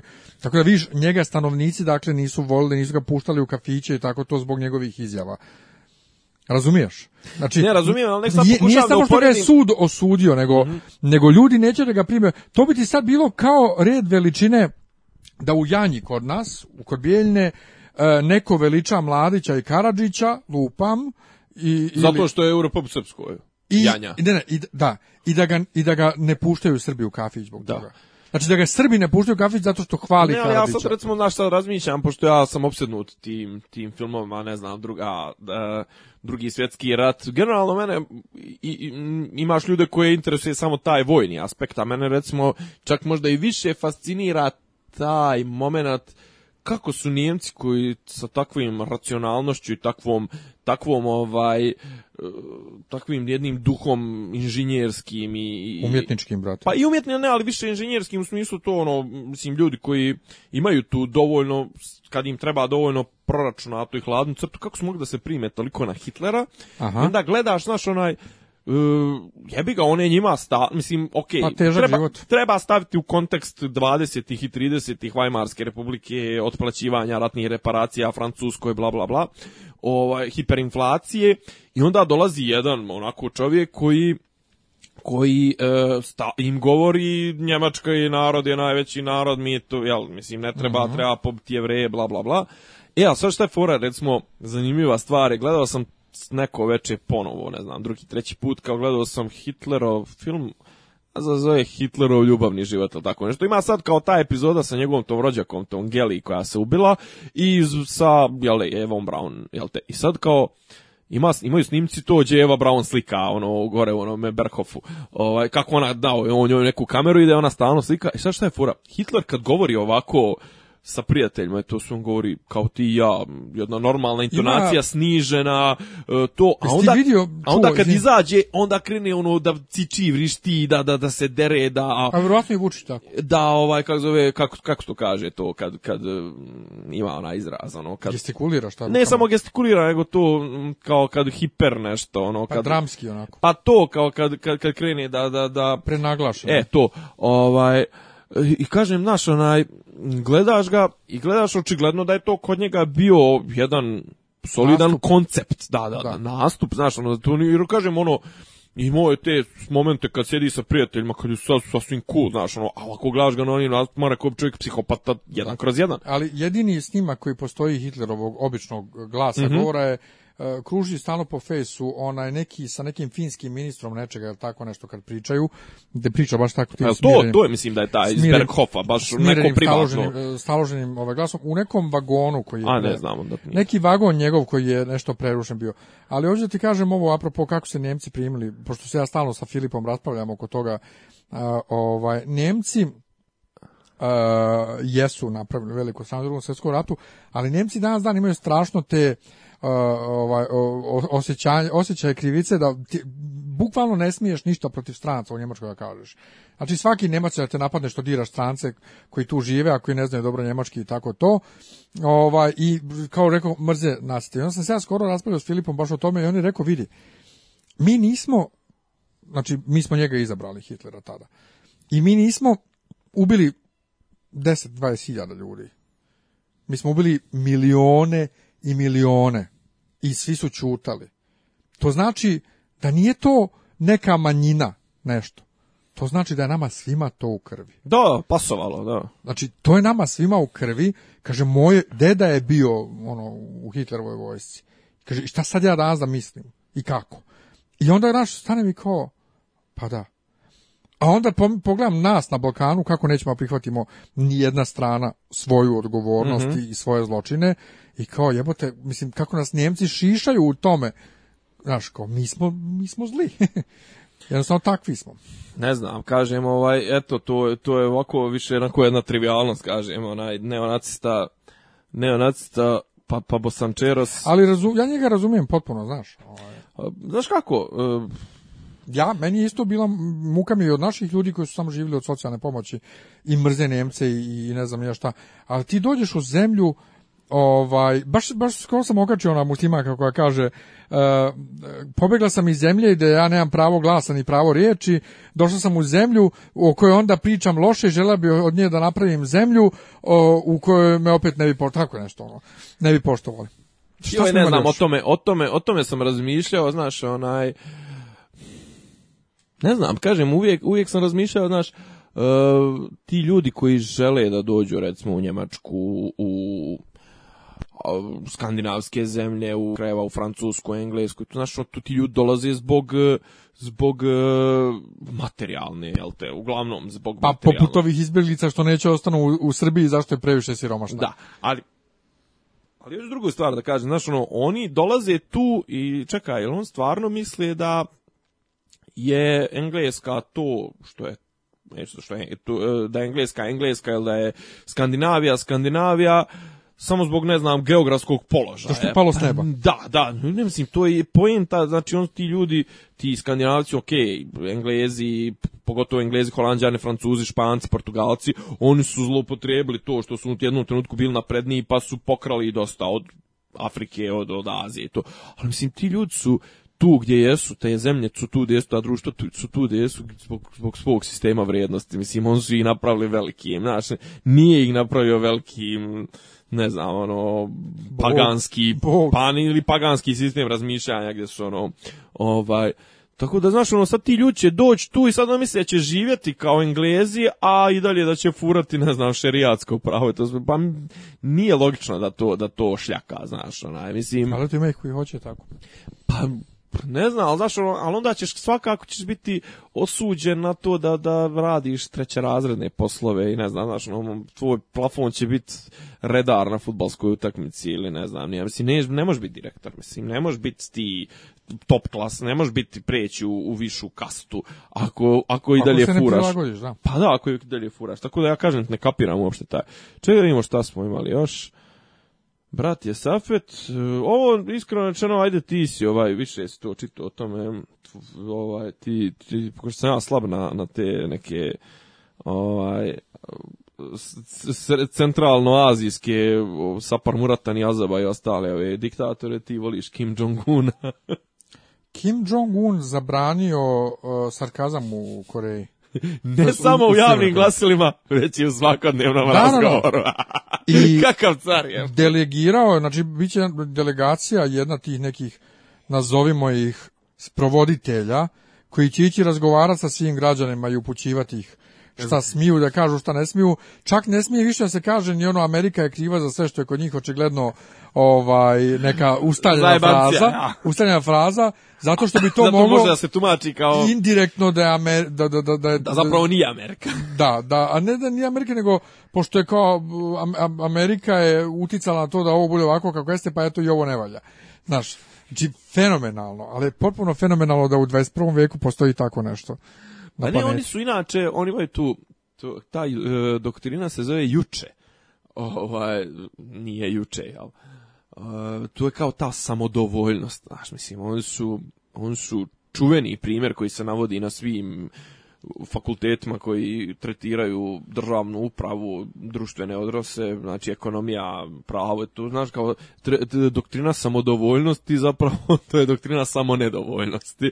Znaš kao možemo mi sami, pa možeš samo što će narod će ti umirati od, od podhranjenosti. Oni imaju, znaš, oni imaju one e, kako se to zove, rations, ono, sledovanja. Porcije. Sledovanja, sledovanja, ili porcije, znači kod njih ima državni nutricionista koji propisuje koliko koliko treba kalorija naroda unosi i redovno to smanjuje, ono kako udari ono loša godina, loša godina za za za pirinač, ovaj on smanji ta sledovanja, samo vojska dobija, ne znam, ima jedna, ima tele, ima fabrika televizora koja proizvodi televizor s jednom frekvencijom. Ono, kad čitaš tako neke momente, znaš, ono, nekad se zapitaš da li je moguće to, znaš. Ne, da li ja živim na istoj planeti? Pa to, da, da, li, da li je ovo moguće? U, kao, da li ja živim na istoj planeti? Ja koji danas se očefnem i se kupim kartu, idem u, u Švajcarsku na koncert simfonijskog orkestra, ovaj, i provedem tamo vikend izlazim i ludujem i vratim se u Srbiju i radim normalno dalje pazi, radim u Srbiji normalno dalje spram, spram ovaj Koreje, a da u Koreji prave televizore sa jednom frekvencijom i određujem koliko će možda... To ima ono, neka fora za kišobrane, ili tako nešto. Uglavnom ne, kažu da je da Koreja 23% državnog budžeta ide za vojsko, mislim, što je... A oni... Um, on, je, on, se, on se u Americi beš, jel da? Moguće, ne, ne mogu da se sjetim. Nisam ga nešto iskrenčeno, znači on mi je, on mi je onako, on mi je de, debeljuška, to sve malo liči na Dačića, znaš, on mi je baš onako unuk, on je treća, tre, treća generacija, znaš, ono, bog otac, zapravo začetnik toga svega je njegov bio deda, ono, Kim Il-sung, koji kažu, zvali su ga veliki vođa, znaš, veliki vođa bio je visok, recimo, 155 ili 162, i sad imao je neku, imao neku nešto imao na licu, neko sranje, nemam pojma, neku brazdu i kaže uvijek su ga slikali s jedne strane. Doduše, a ovo za ovo sad što ću reći kažu da je Tito volio da prije uvijek je recimo biro, onaj, biro je vojsku, gardu i ove kraj koji paradira, uvijek su bili ljudi koji, koji su visoki 160, da on kad njih prolazi ne izgleda ako midžet, znaš, i, ti, Tito je to kažu isto. Kajli Minog tako bira igrače. Pa dobro, ali Kylie Minogue nije, ne, nije na čelu države od ne znam koliko miliona ljudi, mislim. Pa da, logično je. Ja neki dan izašla, ona, juče prekiče sam sinoć, sam čito ove raider liste, o, bratala, jedu govora, pa neka. Ko? Pa tipa bilo je za... Rijana je ranije dok je bila Kaj, mlađa. Kanje Vesta za Rijanu, za Drakea, za... Rijana je tražila kokicu kad je bila mlađa. Pa dobro, to mi je okej kokice. Maraja ne, ali tipa kažu za Madonu da nosi namještaj sa sobom. I da moraju neke draperije da budu nešto da, da, da, ro, roze, nema Da, nosi se živo sa sobom. Ovaj, ali ova Mariah Carey... to tipa mora biti meca Novog Zelanda, e, sjemenke i ne znam... E, e Maraja Carey tražila neki uvek da bude frižider sa ohlađenom nekom vodom. Pa nije, to, nije, Evija, nego neku skupu. Ali čito ovaj, sam opravdanje... Čito sam jednom to nešto za, za, za te raider liste, zašto je to tako. Ti moraš, kad si zvijezda, da imaš tako te sumanute stvari, da bi mogo da izbjegneš nekad neka gostovanja. Pa dobro, ima i toga, da. Znaš, to je ne, nešto, nešto to ima ima ima to, ima to svoje rezone. Da šta je sledeće? Šta je Znam da sam ja nešto pisao, ne znam šta. Sledeće, čekaj da vidim da li, da li je u ovi listi naših razgovora ili se... Ne, ne, ne, ja sam Ne, ovo dobro imaju ovi ovo u Hrvatskoj, ovi vaterpolisti. Da, napadnuti A, znači, e, napadnuti su, ali posle ovaj, e, um, umanjeno je, dakle da nije toliko strašno kako je bilo. Pa ne, kao napalo je i 20, mislim, meni odmah u startu mi je zazvučalo malo sumnjivo, napalo ih je 20 e, frajera sa šipkama, i epilog toga svega je jednom je slomljen prst. Da, da. dakle, napadnut, ali je poenta da je bilo izvještaja da se oni vraćaju nazad u Beograd, ovo da ono. I onda što je mene oduševilo je indeks ili Indeks jeste isti koji je to i objavio, Dobro. je pozivao ljude da dođu da navijaju za njih.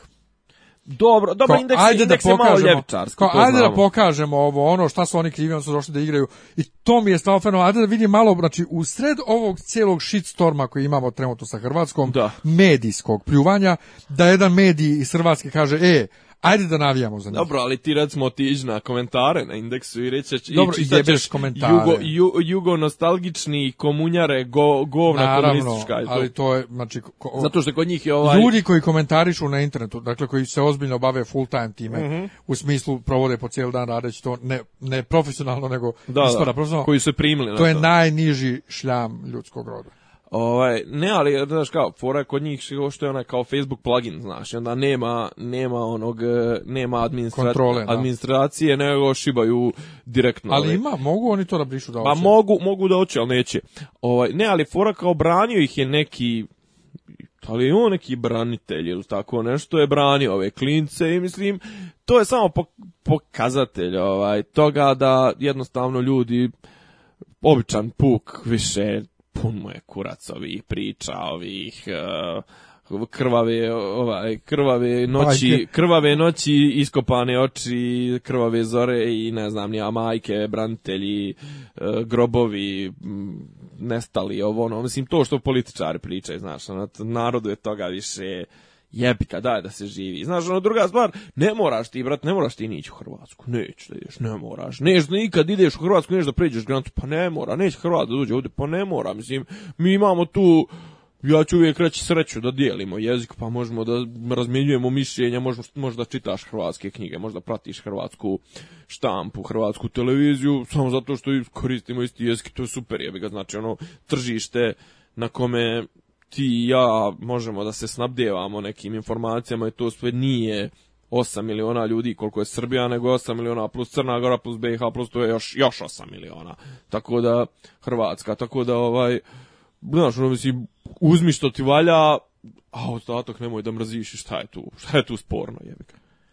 Mislim, šta ti je, šta ti je, šta je tebi uopšte oko tih hrvatskih, oko tog napada? Pa rekao, taj na, natpis indeksa koji poziva ljude da, navijaju za njih, to mi je bilo onako lijepo nešto. Dobro, imali smo još tu This country is too poor. to sam ja sam malo prepomenuo, dakle, ovi su pisali, ovi, kak se zove, e, e, e, Independent ili Express, koji je okej. ne, sad ću ovaj, Pisali su o tome da izbjeglice neće da ostanu u Srbiji neće da ostanu u Srbiji jer je previše siromašna. Ali ja sam to rekao prije prošle godine, baš mi je neki dan izašao ono on this day status na, na Facebooku, tačnije ono volim da pregledam šta sam lupeto prije godinu 2005 i kao tad sam ja napisao dvije, ono, znači recimo neki početak, kraj avgusta, početak septembra 2015. kad je krenula ta priča, a evo sad će nas migranti preplaviti, ovako, onako, znači ja sam rekao, ljudi, pa iz ove zemlje godišnje ode 20, 30, 40 iljada ljudi zato što nema uslova za život. Ovi ljudi su došli u potrazi za boljim životom, pa oni kad vide koliko odavde ljudi ide i kako se loše živi, pa, pa nema šanse da požele. Mislim, ako je već prevalio 5000 km, prevalci još 1000 da stigne do Beča. Koji će kurac da ostaje u Srbiji? Mislim, to je na kraju, nije sad, ni ne mislim da sam prepametan, niti sad ono želim da budem ono Captain Hindsight, ali to, to se odmah tad se videlo da ovi ljudi su bre tu prolazu. Mislim, to je samo bilo pitanje da smo i njih pust, da svi pro uđu i izađu. Jednostavno, koliko rekuše, ono, da li od početka godine, tako nešto trenutno, na, na čekanju je ljudi je tražilo azil od tih desetina, stotina iljada koji su prošli. Da, najjače što ovaj, oni inače su izbirljivi. Pričali jesu malo, jesu. Neće po selima, neće u, da. puno zima, da, ja, neće gdje ono. puno magla, gdje puno depresivno, neće Škotsku, neće sjever Skandinavije, to Njemačka majka. Ja, ali a pazi, e, joj znaš kako, mislim ja ja poštujem to što su oni zaputli se na daleke pute i mislim prevalili to, ali malo tu jest malo onako bezobraština, mislim. Jeste, malo više, znaš kao, i, znaš kao, dođe on pred Njemačku, pred e, na srpsko-mađarsku granicu, na Horgoš, krenje tamo da se sječe onim žiletom i viče, pustite me i u, Njemačku, i Austriju ili, ili smrt, ili me ubijte. Pa, prijatelju, znaš kako, onda očigledno da ti nisi pobjegao od nisi ti bio životno ugrožen. Jer ti da si bio životno ugrožen, fal, f, rekao bi joj, dobra je ova Srbija, jebi ga, ne puca se. Ako ništa u Srbiji se ne puca. Znaš, očigledno da si ti krenuo za nekim standardom i to i druga stvar malo si bezobrazan i drzak ono u fazonu, pustite me inače ja, znaš, mislim, ja, ja sam, ja bi volio da živim u Njemačkoj, u Austriji, u Skandinaviji, to sve, ali bi volio nekim legalnim putama mislim, neko, sad da ucijenjem nekog da me primi, to sve kažem, upću, ako me ne primite, ja to mi je nesto Viš, je. To, to je zanimljiva opcija. Ovaj, Pa to, to ubi, se ako me ne primite. Ovaj, ali ovdje da kažem, mi kad smo išli iz Hrvatske tim konvojem u Njemačku, tim vozom, jedan, jedan dio voza jednostavno ostao u Nirnbergu, Znači nismo ni znali da šta, šta i kako će da bude. Samo smo znali pun voz nas da idemo u Njemačku. Dobro. I ovaj gdje su ostavili u Nirnbergu, mi smo nastavili za Dresden. Ovaj znači nije bilo nikakvog biranja.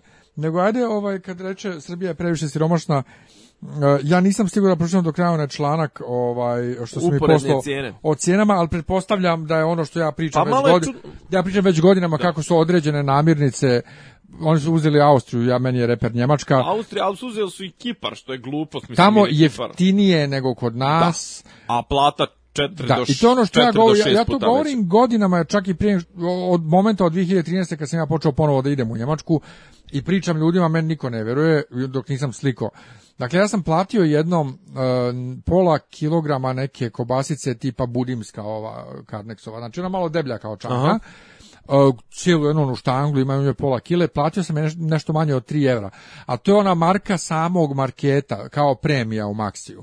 A, kao ovaj- Tesco, kao mm, Lidl, ja. To. E, I ovaj, kaže me drugaca, jest to 3 evra, ali ti nemaš pojma šta oni stavljaju u to, kao, ja kam, e, A imaš sigurno, pojma u sigurno nema ništa nezdravije nego kod Carnexa. Da. A kod Carnexa bez 600 dinara ovo ne bi dobio nikako. Pazi, još je Carnex ono kao old school, onaj neko ono stastak komunističkog pa ti ima tih nekih tehnologa i znaš ljudi koji možda biti tek šta i privatnici stavljaju ovi da. Big Bull ili ne znam. Tako da to jeste stvarno, znači određene namirnice jesu naravno tamo skuplje uh, ah, hljebi i tako to jeste skuplji. Ali suhomesnati, poređenje, poređenje... proizvodi ne znam nija šta su jeftiniji nego kod mm. nas, ali što ti kažeš u poređenju ne, u relativnim ciframa u procentu zapravo koliko ti koliko ti odlazi na... na platu jeste ovaj tipa recimo da li reče da je kod nas je 30 do 40% ide na hranu a tamo ide 12% tako je. što je sramotno, mislim, znaš, to je... Ja nikad neću prevazić temu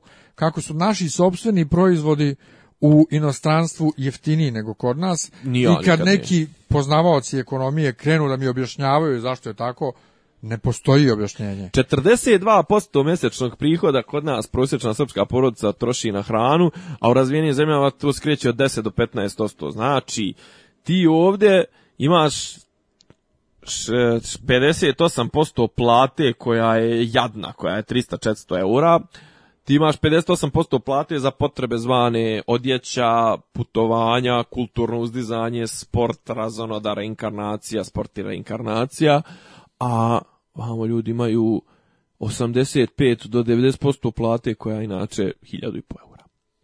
Druga stvar, pročitaj komentare Znači, komentari su, čak, znaš, ovo volim ja nekad prošvaljati po komentarima, i ovde su komentari prilično u fazonu, podoka, da, ja idem u Segedin, nakupujem robe, onaj drugi kaže, da, ja odem, ono, vozim, ja se inače kao kamionđe ne znam, autobuđu, kao ja u Njemačkoj nakupujem svaki put kad odem, kao tako mi je jeftinije, znaš, onda drug, naravno, pola komentara se svodi na to, e, sam plata u Srbiji 400 eura, džeto, materet, za koga, znaš, kao za mene nije sigurno, jer ono, kao, otprilike 80%, 90% ljudi koji se javljaju, imaju imaju prosječnu platu od 25 do 30 hiljada, a zapravo ovi što imaju neke bez, bez, bezobrazne plate, oni vade prosjek, ali ti ljudi su, ti ljudi, tih ljudi je vrlo malo. Znaš. Tako je. Tako da, ovaj, znaš, na svakog četvrt, ne znam, nebitno, mislim, ako pet ljudi, ako 10 ljudi ima platu, 25.000, oni imaju 250.000, imaš još dvojicu koji imaju po 100.000, koji su neki poslanici, to je 450.000 na 12 glava, dođe ti tih 36.000, zapravo ono, njih dvojica imaju ispička šeto neđe na nekim Sejšelima, na, na Maldivima, a onih, onih destoro što ima platu 25.000, jebi se, znaš. Ja svaki put iz Njemačke donosim uh, stvari koje su tamo jeftinije, i kvalitetnije. I koji kod nas nema, ono, njihove kobasice, slatkiši i tako to, ali ovaj, da, tako je, dakle, to je ono što je strašno, što su u tim bogatim zemljama namirnice, dakle ono najosnovnije, ok, reći će neko suhomesnati proizvodi nisu osnovne namirnice, to ne moraš da imaš, da. Ovaj, ali jedno, znaš, sramota je, ne znam, sramota. E, šta smo rekli, imamo još, evo recimo nek bude još jedno desetak minuta, e, ima, ima, bakšiš tvoj. E, joj, nek Nije pogura, još, pogurat ćemo. Pogurat ga, ovaj, obećavam u sljedećoj e, epizodi, ali ovaj, e, parolimpijadu smo htjeli malo da dotaknemo, ali ja sam prije toga htio nešto drugo. Ja, a mogu samo da izjavim. Pride. Pride smo pa, htjeli dobro, malo ajde Pride, što staje, kako, kako, ajde opet mi sad objasni. Ko je, koji je ovo Pride, koliko ima Prideova, E, koji podržava država, koji ne podržava država, koji je autentičniji, koji nije autentičniji, pa, ja to nikako da ufatim. E, država podržava oba, ja mislim. Dobro. To, to bez, bez, Zašto bez... imaju dva pravila? Zato što su se posvađali i podijelili. Mhm. Kao i svaka kao svaka bilo koja organizacija kod nas bilo, bilo koje udruženje, bilo čega, ljudi se dijele. E, Na dobre izle. dijele se. Na ove i one. Na, na naše, ove, na, naše, na naše i, njihove. I njine. E, ovaj, e, Pride je svugdje u svijetu, te parade ovaj, ponosa se održavaju na ljeto. Oko onog dana, 27. E, juna ili šta je već, to bio dan ravnopravnosti ili šta je već. To je 7. januar, da li to dan. Christopher uh, Street Day ili šta je tamo, znači, nemam pojma, nebitno. Uh, I onda su se, prvo su se prije par godina trans osobe odvojile. LGBT i onda su rekli ne, ispalo, t. Oni, su, oni se više ne osjećaju. I onda se tu pojavila ona major Helena Vuković. A ovo govoriš u Srbiji? Da, tada Aha, govorimo o Srbiji samo, ne govorimo što me briga za inostranstvo. Ovaj, eh, I onda se tu, tu grupisalo Boris Milićević iz SPS-a, odnosno nekadašnji predsjednik G3 Alijanse, eh, i tako ta neka ekipa s jedne strane, E, zatim dvojac e, Boban Stojanović, poznat svima kao učesnik velikog brata prije svega, tad je ono... Ja ga iskreno čuno znam kao gej pa ti ga znaš kao gej ali široj publici poznat prije svega zbog velikog brata, tad je ono masovno u javnost Aha, ušao.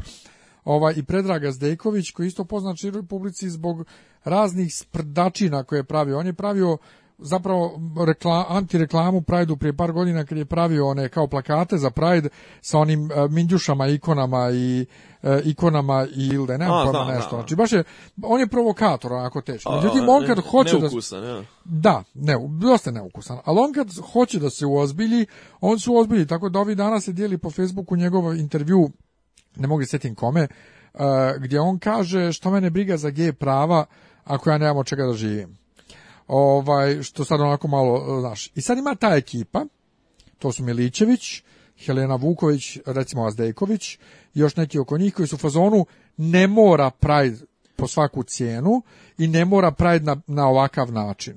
Jer ono što se vezuje za Pride od 2001. na ovamo je nasilje. Da. Nasilje i buka. I to je taj Pride u, u, u, u septembru koji se nas uvijek iz, ne, ni meni je da nije jasno iz kojih razloga se održava u septembru, kad bi trebalo u junu. i onda kad se ovi odvojili, on su krenuli da organizuju svoj Pride. Nekog se puta spontano okupili 27. juna i prošetali gradom bez problema. Ove godine je bio prvi put organizovan Pride, mnogo manji nego ovaj, bez ikakvog učešća ikakvih javnih ličnosti i političara jer se nije slikalo i održan je bez ikakvih problema s minimalnim učešćem policije. Lju, navodno su im ljudi mahali, ne znam ja šta, šta su oni sve ovaj, pričali da, da, da je bilo, ali bilo je bez problema. A uvertira za ovaj Pride, kao i svake godine, počela je par mjeseci unapred, skoro je napadnut brutalno Boban Stojanović u gradu, a to brutalni napad se sveo na to što su ga momci neki prepoznali na zelenom vencu, jedan ga je udario u podlakticu i vikali su za njim pederu, pederu i ne znam ja šta, i on je to onako napravio veliku ovaj priču oko toga kako je brutalno napadnut i kritikovali su ga i Jazdejković, njegov nekadašnji partner iz zajedničke ove organizacije aktivističke i e, Milićević i Helena. Istovremeno Goran Miletić, advokat, koji je ovaj ono je vrlo prisutan u, tom organizacionom odboru svih prajdova. On je gađao protiv Helene Vuković nešto tamo imaju te Arkanove tigrice, ratni zločinci, vojna lica, ovo ono, jer ko ne zna, major Helena Vuković je transgender ovaj žena, koja je bila uh, major u vojsci ovaj, e, u JNA pre da, svega, a pa posle u vojsci Srbije i čovjek je naravno učestvovao u ratovima, mislim, kao vojno lice, zbog čega ima moje izuzetno poštovanje. Znaš, zamisli sad ti vojno lice jebote iz JNA i odjednom kao, e, deco, ženo, ja sam žensko. Ja imam, ja imam osjećaj da su ova ta ekipa, ta Stojanović i ovi, da su oni, sad ovo će zvučati baš onako, ali da su oni državni pederi. E, jesu, evo sad, ja sam to u posljednje dana prozvao PPP porodično preduzeće Pride, jer je bila vijest u, u, medijima da su bili kod ove ministarke lesbejke, ovaj, da, da, da, Airbnb, znači PPP bio kod Airbnb i pričali su o Prajdu i, kao i i surfovali su. I u vijestima, u piše bio je Boban Stojanović, bila je tamo neka riba i Adam Puškar, partner Bobana Stojanovića. Ja, čuveni Puškar. Ne, ne, ali partner Bobana, znači on nema funkciju drugu osim što je Bobanov bož. Da, da, da. i to onako malo bljutavo. Ne kaže, meni on deluju kao ono u fazonu, ajde mi ćemo vama dat, dat ćemo vam, dat će vam država, dat će vam tat った ovaj, da će vam i obezbjeđenje i muriju i ovo i ono i zatvorće ulice i to, ali da vi pričate kako je nama, kako vas država štiti, kako vi ste do jaja, kako ovo ono, znači nećemo se baviti stvarnim problemima, nego ćemo tako jedne jedno od godišnje ćemo se skupiti, mi ćemo organizovati muriju za vas, ovo ono, znaš, dobro vama, dobro nama, to je ono otprilike ko kad je Đilas, ono rekao ja to ne podržavam, ne kradete u svoja četca, četiri zida, ali ja ću kao, ja eto kao mi to moramo, znaš, ono kao ko zgađe mirenjem. E, otprilike i ovo, znaš, kao i ovim djeluju ono kao u fazonu, to je neki ono brak iz interesa između države i te ekipe države dobro dođe, jer ih predstavljaju kao tolerantnu državu, zapravo se na, na, na suštinskim problema te populacije ne radi ništa, a ovima dobro dođe jer su na državnim jaslama i, znaš. E, to je kritika ovih drugih. Pa, kažem, znači, ja, ja ih ne e, čitam, e, ja ih ne čitam, ali e, meni, meni tako djelaju. ekipe da se ovi samo slikaju i to. I, državom, da se da, i da, nema, i da ne, nema nikakvog rješavanja problema. Međutim, Ah, neki né, sa treće strane mm outsiderski ovaj ljudi su mi rekli da i ovi isto funkcionišu znaš samo što je to oni imaju manje, manje para. i su ljubomorni koliko ovi dobijaju ajde recimo da je tako ali ali to je normalno to je politika pa dobro to je politika mislim svaka svako u politici radi da bi da bi živeo toga ali poenta što jeste stvarno naopako ako ako ćemo nego tom tradicijom nekom sve da da Pride bude u septembru i baš oko održavanja derbija i svega toga a i da se svake godine priča mjesecima unaprijed unapred o tenzijama, o problemima mogućim. Dakle, se bukvalno prizivaju probleme. Da se ide prst u oko i to je ono što ova druga ekipa kritikuje, taj, to nastup prst u oko, to ne mora da bude tako, eto, Pride u prođe bez problema, zašto nije prst u oko? Ok, znalo se, bilo je javno, ali nije bilo unaprijed priče o bezbjednostnim rizicima i o hiljadama i hiljadama policajaca koji da, će biti obezbjeđeni.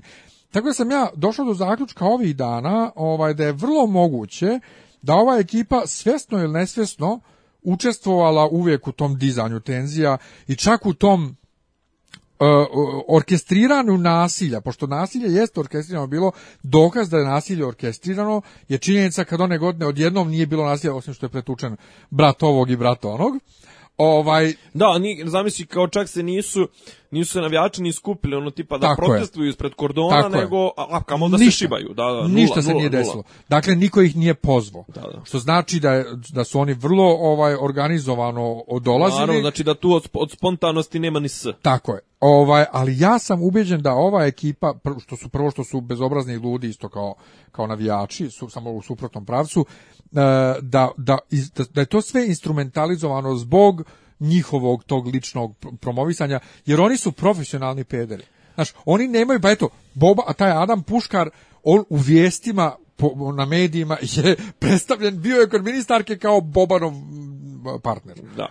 Pa ne znam, kažem, sad e, pričali smo nešto prije emisije, to imaš te ljude koji žive od provokacije, drugih i zapravo njihov ono modus operandi se svodi na to da kukaju kako su oni pod, napadom, jeste kako su oni, ja, kako su oni ugrožena vrsta. Kažem, mene recimo ta Jelena Milić konkretno koju smo pominjali, ja mislim i prošli put, ovaj isto me posjeća na to, znaš, ona je kao NATO lobistkinja. Nemam ja ništa protiv, budi lobista za prava leptira, za prava životinja, za, učlanjenje Srbije u Marsovsko-Jupitersku koaliciju, federaciju država i to, da, da Borg pokori sve, ali kažem, to rad, nemoj to raditi ni na kakav napada, ni na, način koji zapravo potiče sam posle kažem taj Jelena A šta uopšte znači NATO lobiskinja? Zašto ona lobira? Pa da Srbija uđe u NATO? Da, šta? Da. Da. Nam pojma. Pa kaže, misli, kao što imaš lobiste da Srbija uđe u... Čekaj, ali gdje ona to lobira? Gdje? Pa mislim, objavljuje te tekstove, gostuje po tim Šta, da bi narod ubijedila da mi treba da idemo u NATO ili, koga da ubijedi? Tako, pa, na, pa lobby, lobby, mislim. Neće sigurno država ubijedi. Mislim, država ima svoju agendu. Pa ne, ja ne ali ja lobby upravo razumijem tako, kad ti država, državne organe lobiraš da nešto odrade. Pa do imaš ti i drugu, drugu, drugu vrstu lobiranja kad država naša lobira, tačnije u, unajmi lobiste da, da rade za dobrobit Srbije recimo u američkom kongresu. a šta, a ona pokušava da radi na preumljenju naroda? Pa da, mislim, ne, ona, pa, mislim, ona ti je ono, nije to kao, ne, ne možeš ih nazvat peta kolona, nego to su ona ta šesta, sedma kolona, to su, mislim, ljudi koji zapravo mijenjaju javnu, javnu percepciju, javno mnjenje, znaš, no, mislim, kao što imaš sad ove par idiota, ne znam, mislim, jel, recimo, jedno vrijeme je bila prosu, pukla je priča da je Istok Pavlović GMO lobista. Znaš da je ono par puta objavljivo neke statuse, ono kao, ajde se prvo raspitajte šta je GMO pa da pričamo o tome. Dobro, ja se tu s njim slažem zapravo. Pa kažem, eto, on je, naš, odmah su ljudi potrčali da kažu da je dobio pare od Monsanta, nebitno, mislim, znaš, kao imaš ti ljude koji jednostavno hoće da promijene određenu percepciju. Sad, da li ova se loži, mislim, ova, mislim, da ni ne krije da dobija pare za to.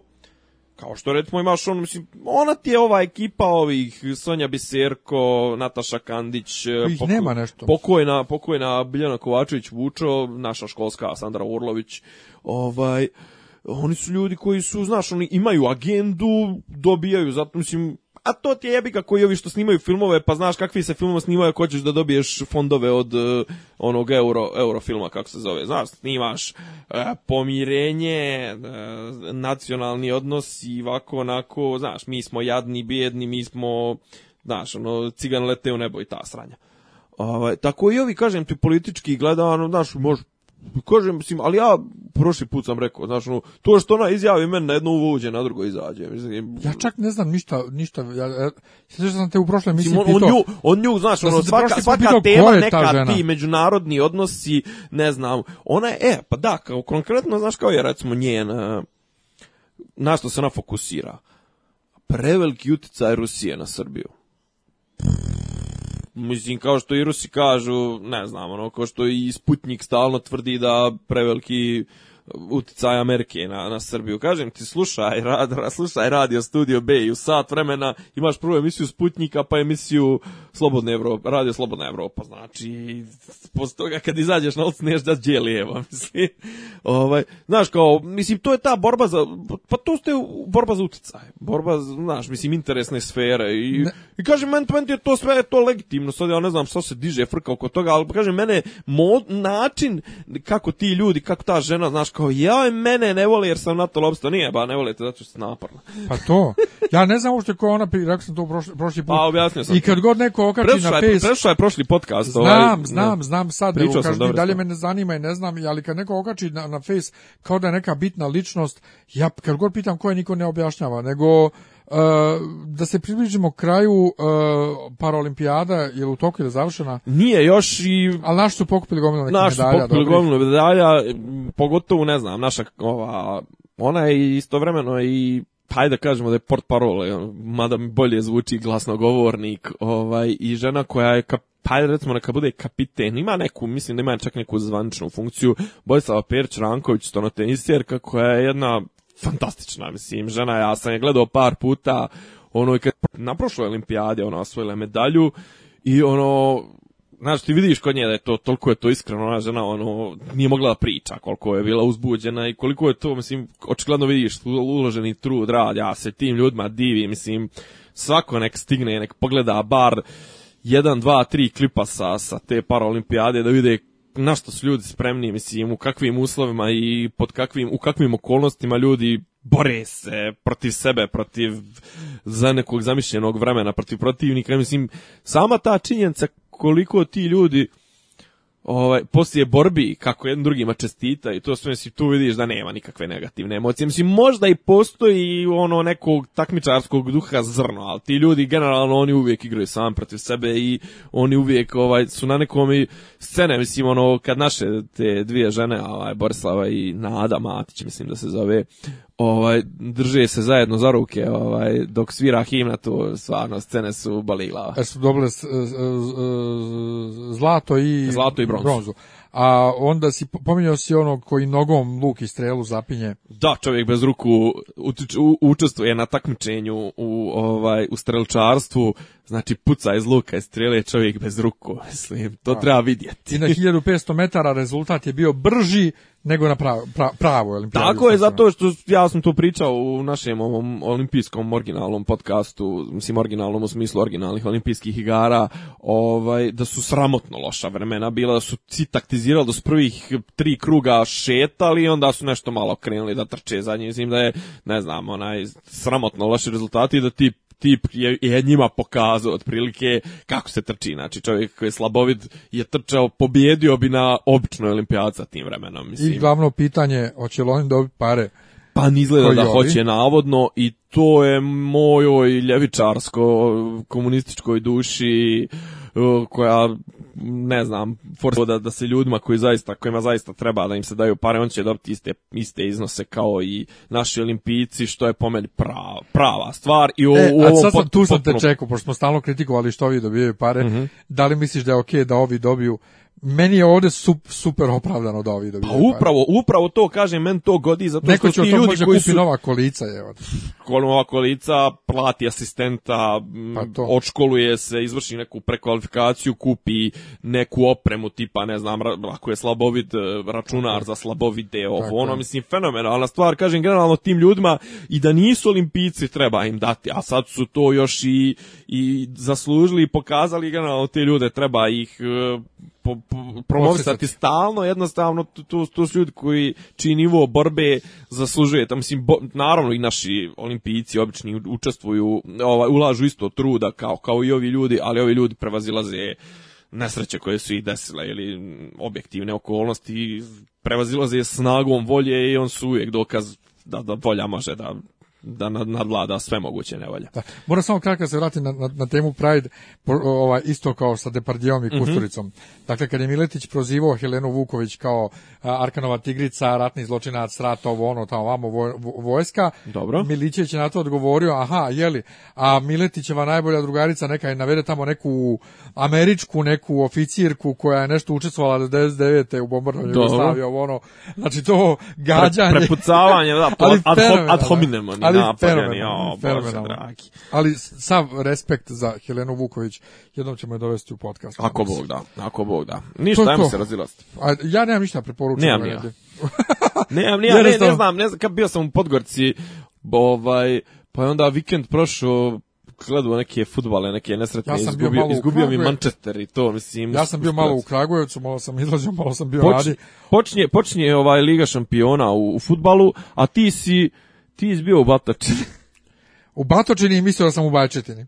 Ali pa i Kragujevac je, Bajčetina je blizu Kragujevac. Znam da je blizu, ali, ali sam ja pomiješao Batočinu i Bajčetinu i to ono gdje se vidi moja, ovaj, moja ovaj, e, poniznost da ja kad ispanem glup na fesu, ja ne brišem post, ja ga ostavim.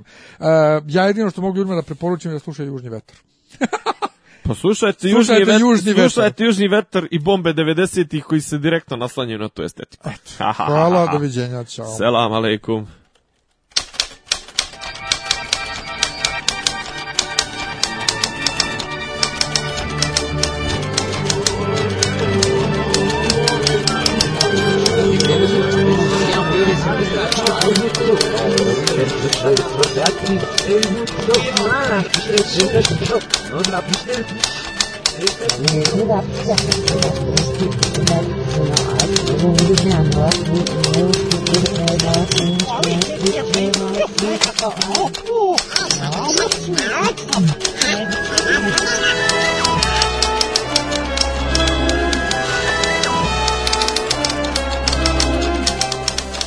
Dopisi iz Disneylanda. Tišina tamo, ništa mi nije smešno.